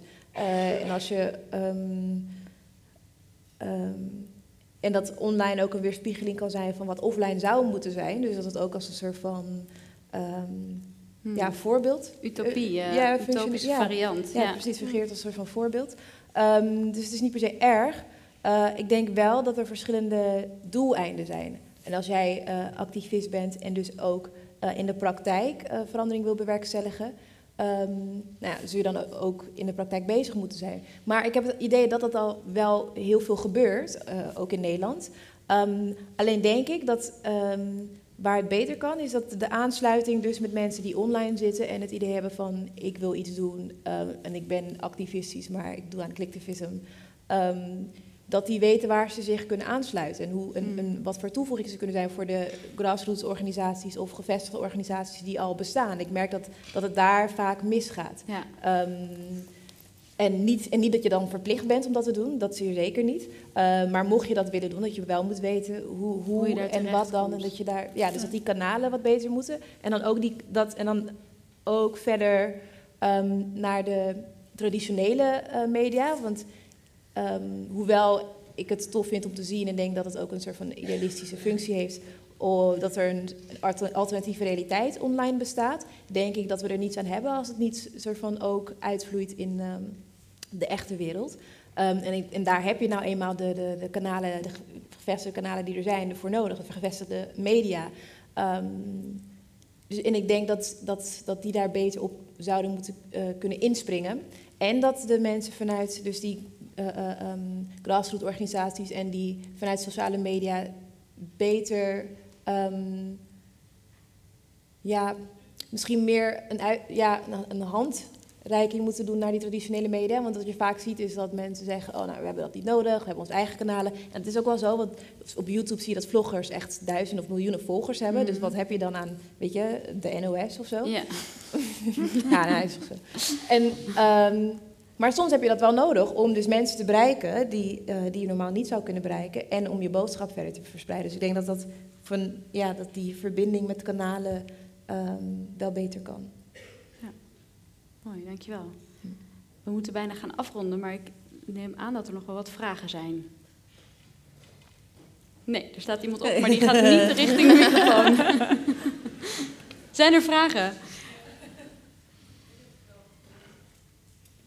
Nou, ik zit eigenlijk de hele tijd hier naar te kijken. ehm, en ook te luisteren. Maar, ehm, nou, aan de ene kant is het natuurlijk ook wel heel lastig. Want mijn vriend werkt, eh, doet marketing voor een online banking platform.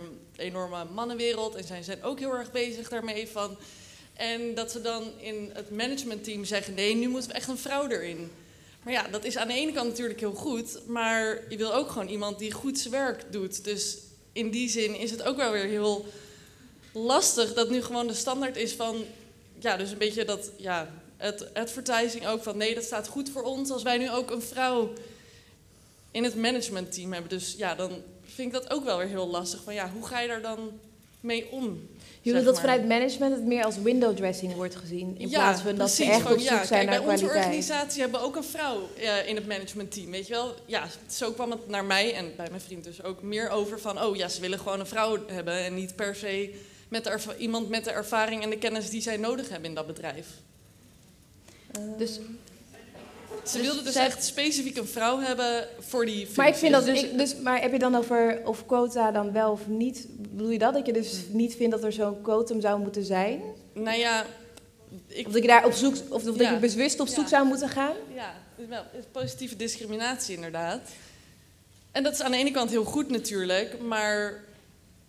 Nou, ja, ik heb daar wel- dus, dus kanten, wat, ik. wat ik er een beetje in hoor is dat mensen dus hebben begrepen... oh, dat feminisme, daar moeten we iets mee.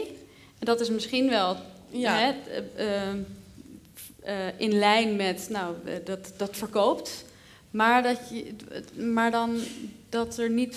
Ik snap niet helemaal En je je vindt dan dat positieve discriminatie dus, dat het dan doorslaat, omdat je dan heel specifiek op zoek gaat naar vrouwen in plaats van de beste kandidaat? Ja, dat precies. Nou- dat bedoel ik inderdaad. Oké. Ongeveer. Maar, maar ehm, idee- nou, het het idee ding met positieve discriminatie, is dat het idee bestaat dat dat niet al gebeurt. Ehm, de manier waarop het selectieproces nu gehanteerd wordt, is positief naar witte heteroseksuele Ja. mannen. Ja. Alleen gaat het onbewust. Wat je met positieve discriminatie doet, of ik zou het niet zo noemen, in Amerika heet het bijvoorbeeld affirmative action, dus gewoon een bevestigende actie, is dat je dus probeert die, die, die vooroordelen die je hebt op een bewuste manier te kantelen en dus bewust op zoek te gaan naar degene die je dus onbewust uitsluit. Dus eigenlijk ben je aan het rechtzetten, het nivelleren. Ja. En ik denk dat het vaak als argument wordt gebruikt van, oh, eh, maar moet ik dan nu ineens heel bewust op zoek naar, gaan naar een vrouw? Ja, dat moet je, want je gaat onbewust heel vaak op zoek naar een man. Ja. Oké, dankjewel. Om het eh, even terug te brengen, dan nog ook weer naar de sociale media. Vervolgens, als die ene vrouw bij dat bedrijf werkt en zij prominent op de website wordt gezet, Ja. ja, daar mag ze vriendelijk voor bedanken. Ja, precies. Jij hebt ook een vraag. Ja, om even in te haken op eh, wat jij zei. Ehm, tuurlijk, dan, dan kom je in een soort eh, situatie waarin je gaat zeggen... ja, we moeten dan op zoek naar een vrouw, maar eh, de vrouwen zijn er niet. En eh, dat, er, dat er weinig vrouwen dan zich ook aanbieden, wordt vaak het argument gebruikt. Maar ja, jij hebt het eigenlijk al gezegd. Ik denk heel erg dat het ook gaat om, ja, maar hoe komt dat dan?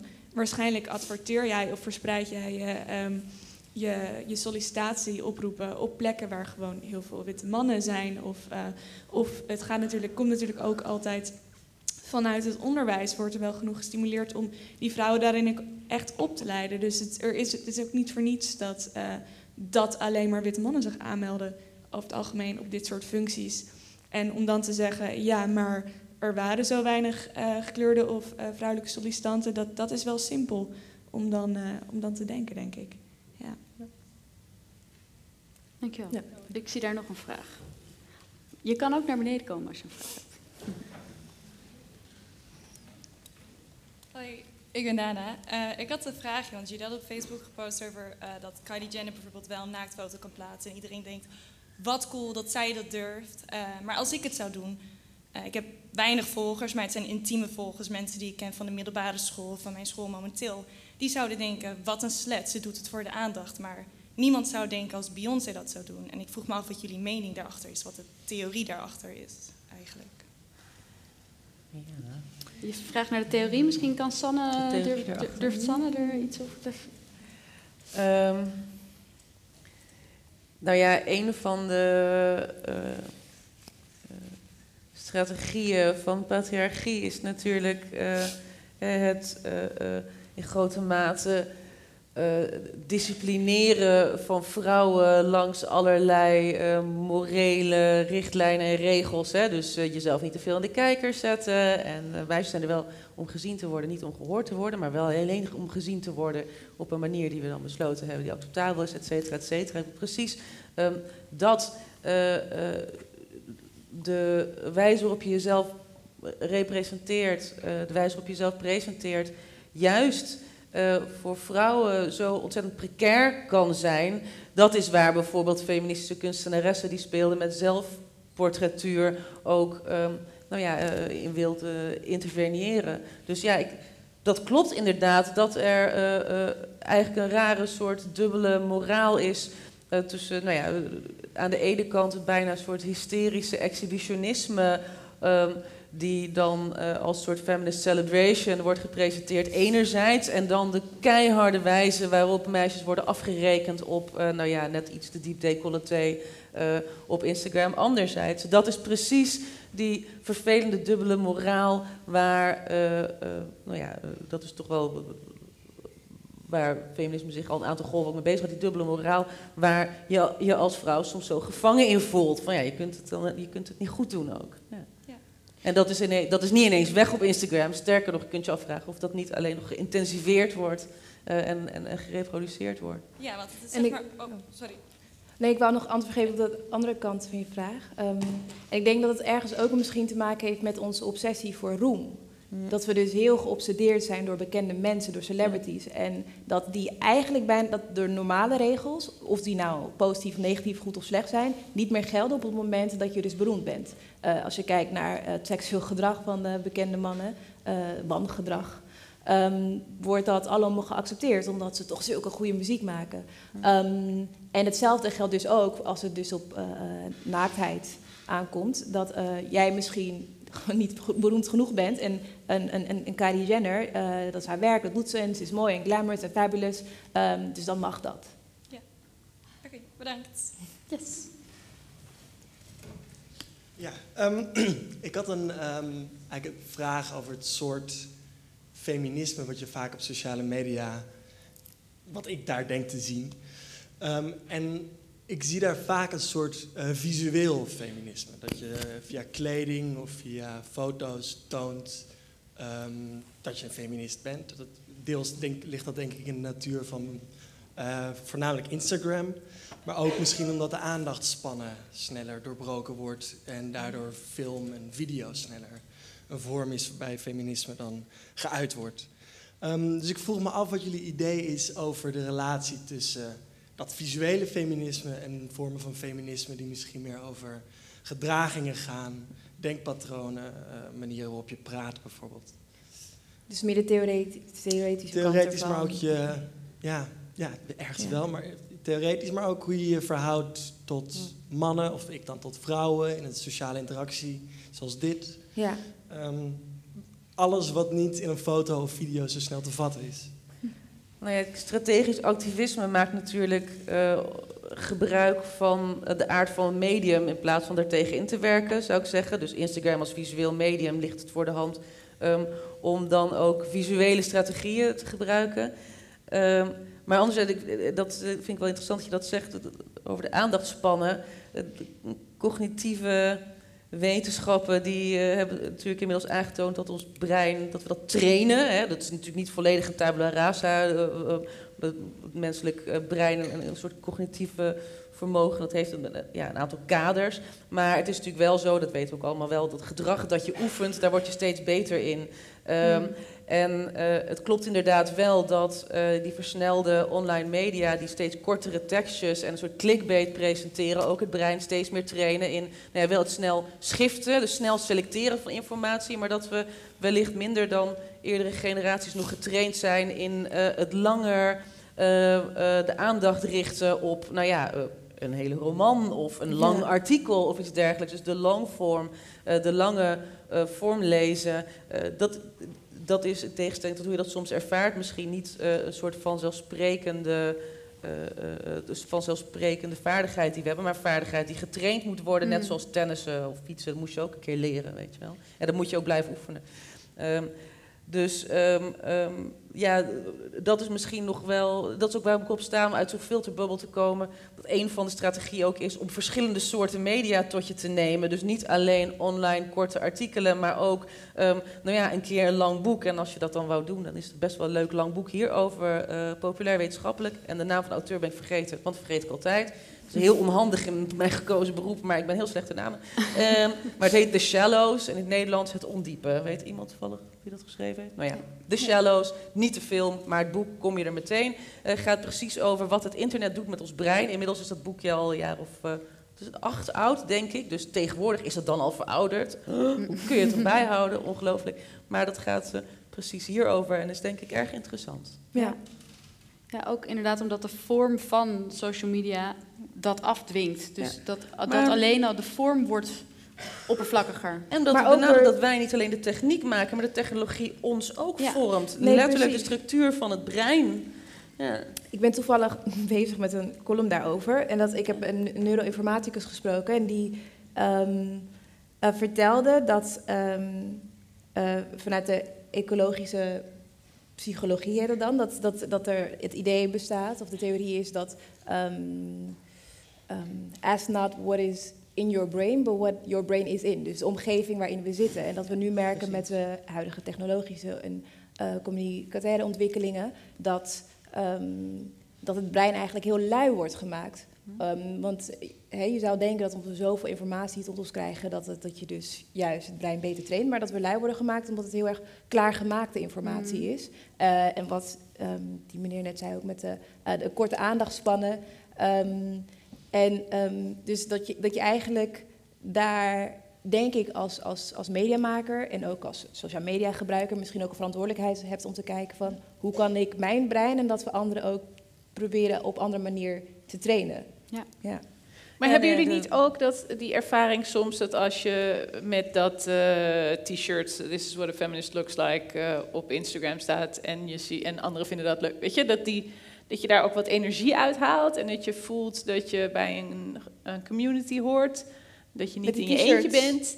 Ja, ja, een t-shirt, een petje, weet ik het wat, eh, je pussyhead, ja, het maakt allemaal niet uit, maar eh, precies dit, dat een beetje dat, dat visuele, eh, dat licht oppervlakkige, eh, want daar gebeurt het natuurlijk niet, dat weet ik ook wel, dat weten we allemaal, maar het is wel een plek waar je je soms kunt opladen en waar je eventjes kan voelen hoe dat ook weer was om niet in je eentje er, je ergens druk om te maken. En dat, eh, ja, dat er meer mensen zijn die daar ook zo over denken. En dat kan ook je belangrijk. nodig hebben, die Ja. energie. Ik denk dat esthetiek juist heel belangrijk is. Niet, ik vind het niet per definitie oppervlakkig. Ja. Ik denk dat het er vooral om gaat wat je er vervolgens mee doet en wat je eraan toevoegt. Ja. Mooi, dankjewel. Je hebt ook nog een vraag. Ja, of misschien meer een opmerking of een vraag. Ik weet het niet.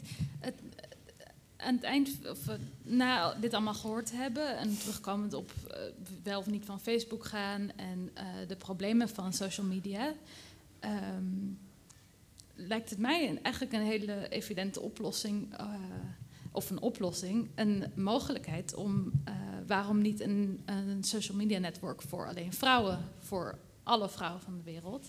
In de zin van. ehm, dit gaat natuurlijk nooit de banden die je hebt met je familie op Facebook of ik wat vervangen.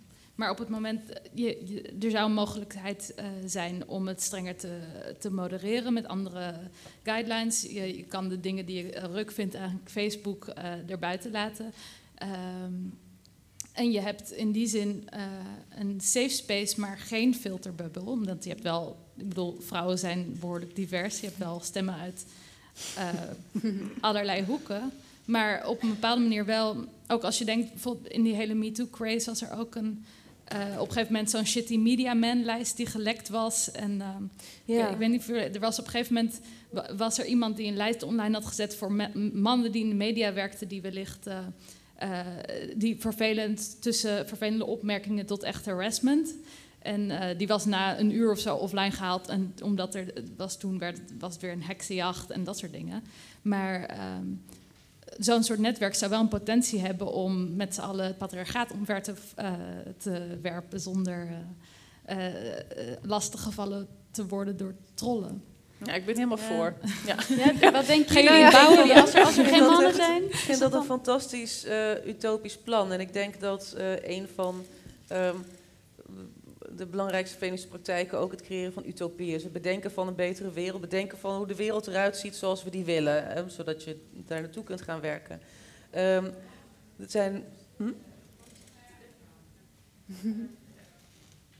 Daar wil ik eigenlijk op inhaken, want eh, wat mij dus juist eh, heel erg belangrijk lijkt hier in deze hele kwestie, is dat je niet tegen mannen, dat je zeg maar vrouwen apart en met z'n allen gaat emanciperen, maar dat je juist zorgt dat mannen meegaan in dat emanciperen, dat zij er onderdeel zijn van dat proces. Dus hoewel het zeg maar natuurlijk gewoon een hele goede safe space is en elkaar motiveren, moet je wel voor zorgen dat mannen juist onderdeel blijven van het gesprek en dat ze zien dat vrouwen worden aangevallen op internet en dat zij ervoor zorgen, door elkaar te corrigeren, dat er niet gebeurt. Het soort van mannen moeten echt betrokken blijven bij die groepering, want anders komen we er niet. Ik ben het daar helemaal mee eens. Het was het, ik ben het daar helemaal mee eens. Mannen zijn belangrijk. eh, mannen moeten betrokken blijven. Ik denk wel dat mannen het zullen overleven. En als ze vrouwenemancipatie echt belangrijk vinden, het niet erg is dat ze een keertje ergens niet aan meedoen. Maar ik wou ja. Het is helemaal niet erg dat mannen een keertje niet ergens aan meedoen. Maar het gaat ook denk ik voorbij dat er ook heel veel slutshaming onder vrouwen is. Ik denk Ja. dat als je in een, op een forum bent met alleen maar vrouwen, dat je dan helemaal niet voorkomt dat er trolls zijn. Of dat er nare dingen worden gezegd. Of dat mensen worden gecorrigeerd over een te diep decolleté of een nou ja, te hmm, lichaam. Ja. Nou ja, dan... eh, Ja, dan, dan ga ik weer weg hoor. Ehm, eh, ja, nee, dat- dat, dat ben ik helemaal met je eens. Maar het, het principe is meer dat als, je zelf een, als er zelf een nieuw platform wordt gecreëerd, dat je dan ook heel andere eh, richtlijnen voor moderating kan eh, creëren. Ja, maar, ja, daar, maar daar ben natuurlijk ik absoluut eh, mee eens. Dat als er meer vrouwen aan de voet staan van nieuwe media en nou ja, manieren om dingen te delen, dat er dan misschien andere regels of andere normen komen. Eh, maar dan juist, waarom zou je dan op dat moment, als je eigenlijk betere regels hebt, dan hoef je eigenlijk mannen niet eens meer daar dan voor uit te Het sluiten. is wel mooi, want eigenlijk is deze, is deze discussie gewoon een, een herhaling van wat we natuurlijk in de feministische traditie heel lang al hebben gehad. Van moeten we niet eh, ruimtes creëren waar geen mannen Mhm. komen? Ja, ja, en eh, je mocht niet, eh, moet, mocht niet slapen met, de met de onderdrukker. En, Ja. en tegelijkertijd... Gaat sommige van ons gemakkelijker af dan Ja. anderen. Ja. Dat moet ik wel eerlijk toegeven. Daar heb ik dan weer mazzel mee. Maar, eh, nou ja, ik, denk dat deze discussie op dat eh, imaginaire, eh, maar misschien ooit wel verwerkelijkbare platform zeker gevoerd moet worden en zal gevoerd worden. Als dat een feministisch platform is, dan zal dit een van de eh, doorgaande discussies zijn. Alleen dan moet dat platform er wel eerst komen. En daar is nog wel even, daar is wel een dingetje. Kijk, ehm, we hebben met z'n allen, we zijn eraan gewend dat we min of meer gratis gebruik kunnen maken van de nou, haast spookachtig accurate zoekresultaten van Google. Dat we contact kunnen houden en maken via allerlei verschillende media, video, voice call, uh, foto, bla bla bla bla, op Facebook en Instagram. Gratis. Is natuurlijk niet gratis, want je betaalt daarmee met je data. Mhm. Maar ja, als je daar niet mee, en, en dat heeft dus weer allerlei gevolgen voor, uh, op het gebied van disciplineerbaarheid, controleerbaarheid, privacy, bla bla bla.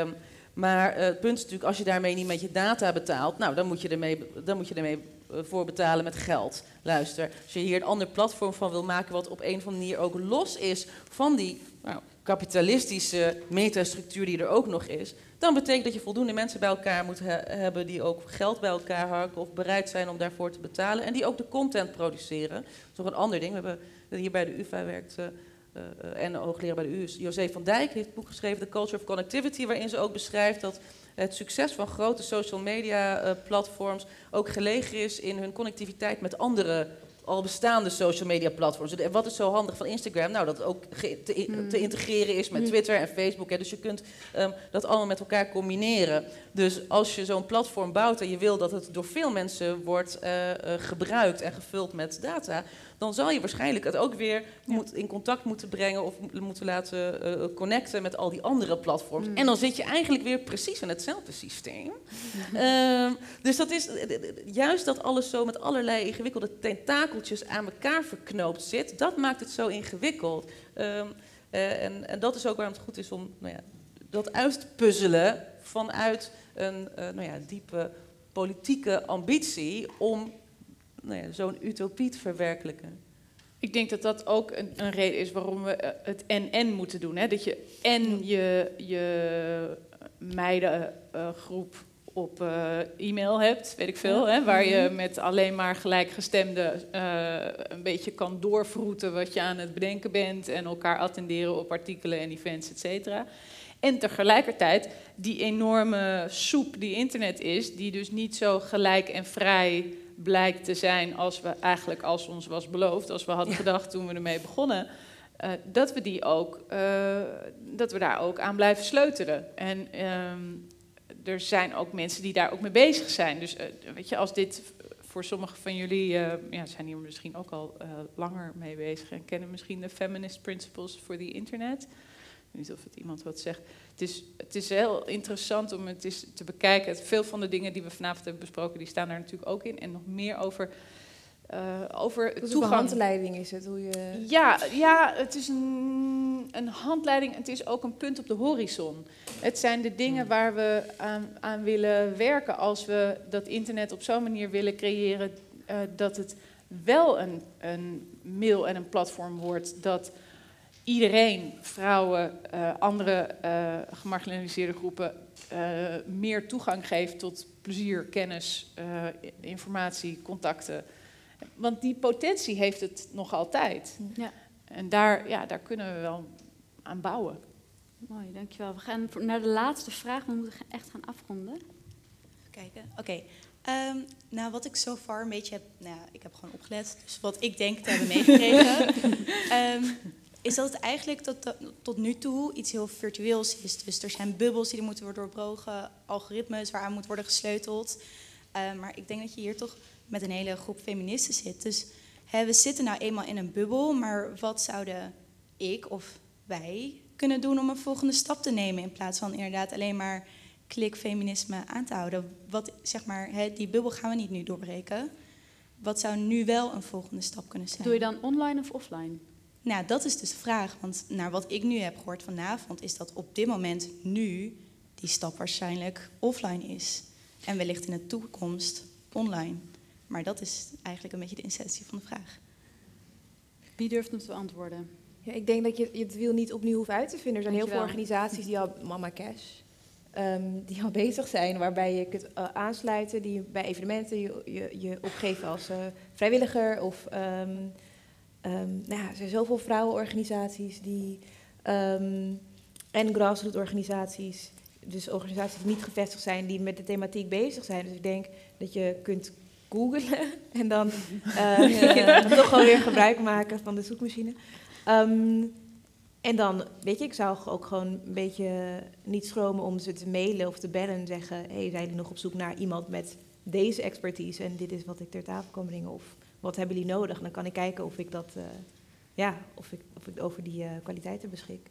Ja, en het is ook wel leuk om mee af te sluiten misschien, want er zou hier eigenlijk iemand vana vandaag aanwezig zijn van Amnesty. Die zijn op dit moment bezig met een actie voorbereiden op 19 mei, uh, de Wikiathon. Oh ja. um, en dat is echt een heel tof voorbeeld van uh, uh, hoe, ze, hoe ze eigenlijk het internet een stuk activistischer en feministischer willen maken. En ze gaan op die dag nou de vrouwelijke activisten online zetten. Um, want dat zijn de activisten die het meest eigenlijk in gevaar komen zodra ze zich uitspreken, of dat nou online of offline is. Uh, en ze willen die op die manier toch een plek geven. Dus we gaan een hele dag lang gewoon allemaal mensen online zetten. En ik, geloof, is het gelukt om. Ja? Want, want de redactie is ondertussen bezig geweest om daar al een klein voorzetje in te nemen. En uh, ja, we ja, hebben vandaag ja, zojuist de bovengrondse ook even online gezet. Dus het, het, internet is op dit moment feministischer aan het worden. En misschien kunnen jullie op je eigen manier ook allemaal daar een steentje aan bijdragen. Ja. Dus dat wilde ik eventjes zeggen. Um, dit is het einde van deze avond. Onwijs bedankt voor jullie aanwezigheid. Uh, te gek dat jullie hier allemaal zijn terwijl het hartstikke lekker weer is. De tweede helft van de avond vindt plaats bij de bar. Um, de volgende schoonheidssalon is uh, op 17 september. Uh, de, uh, hebben we allemaal even zomer, waardoor jullie niet nog hele avonden binnen ja. hoeven te zitten. Um, vind je het leuk? Wil je inderdaad ergens iets mee doen? Denk je, ik wil, ik wil iets met deze kennis en informatie? Je kan je aanmelden voor de bovengrondse. Dan kan je naar debovengrondse.nl. En daar vinden regelmatig brainstorms, dit soort avonden plaats. Dus wees welkom. Um, Heel erg bedankt aan het panel. Emma Herman, Clarice Gargard en Sanne Koevoets. Dank jullie wel.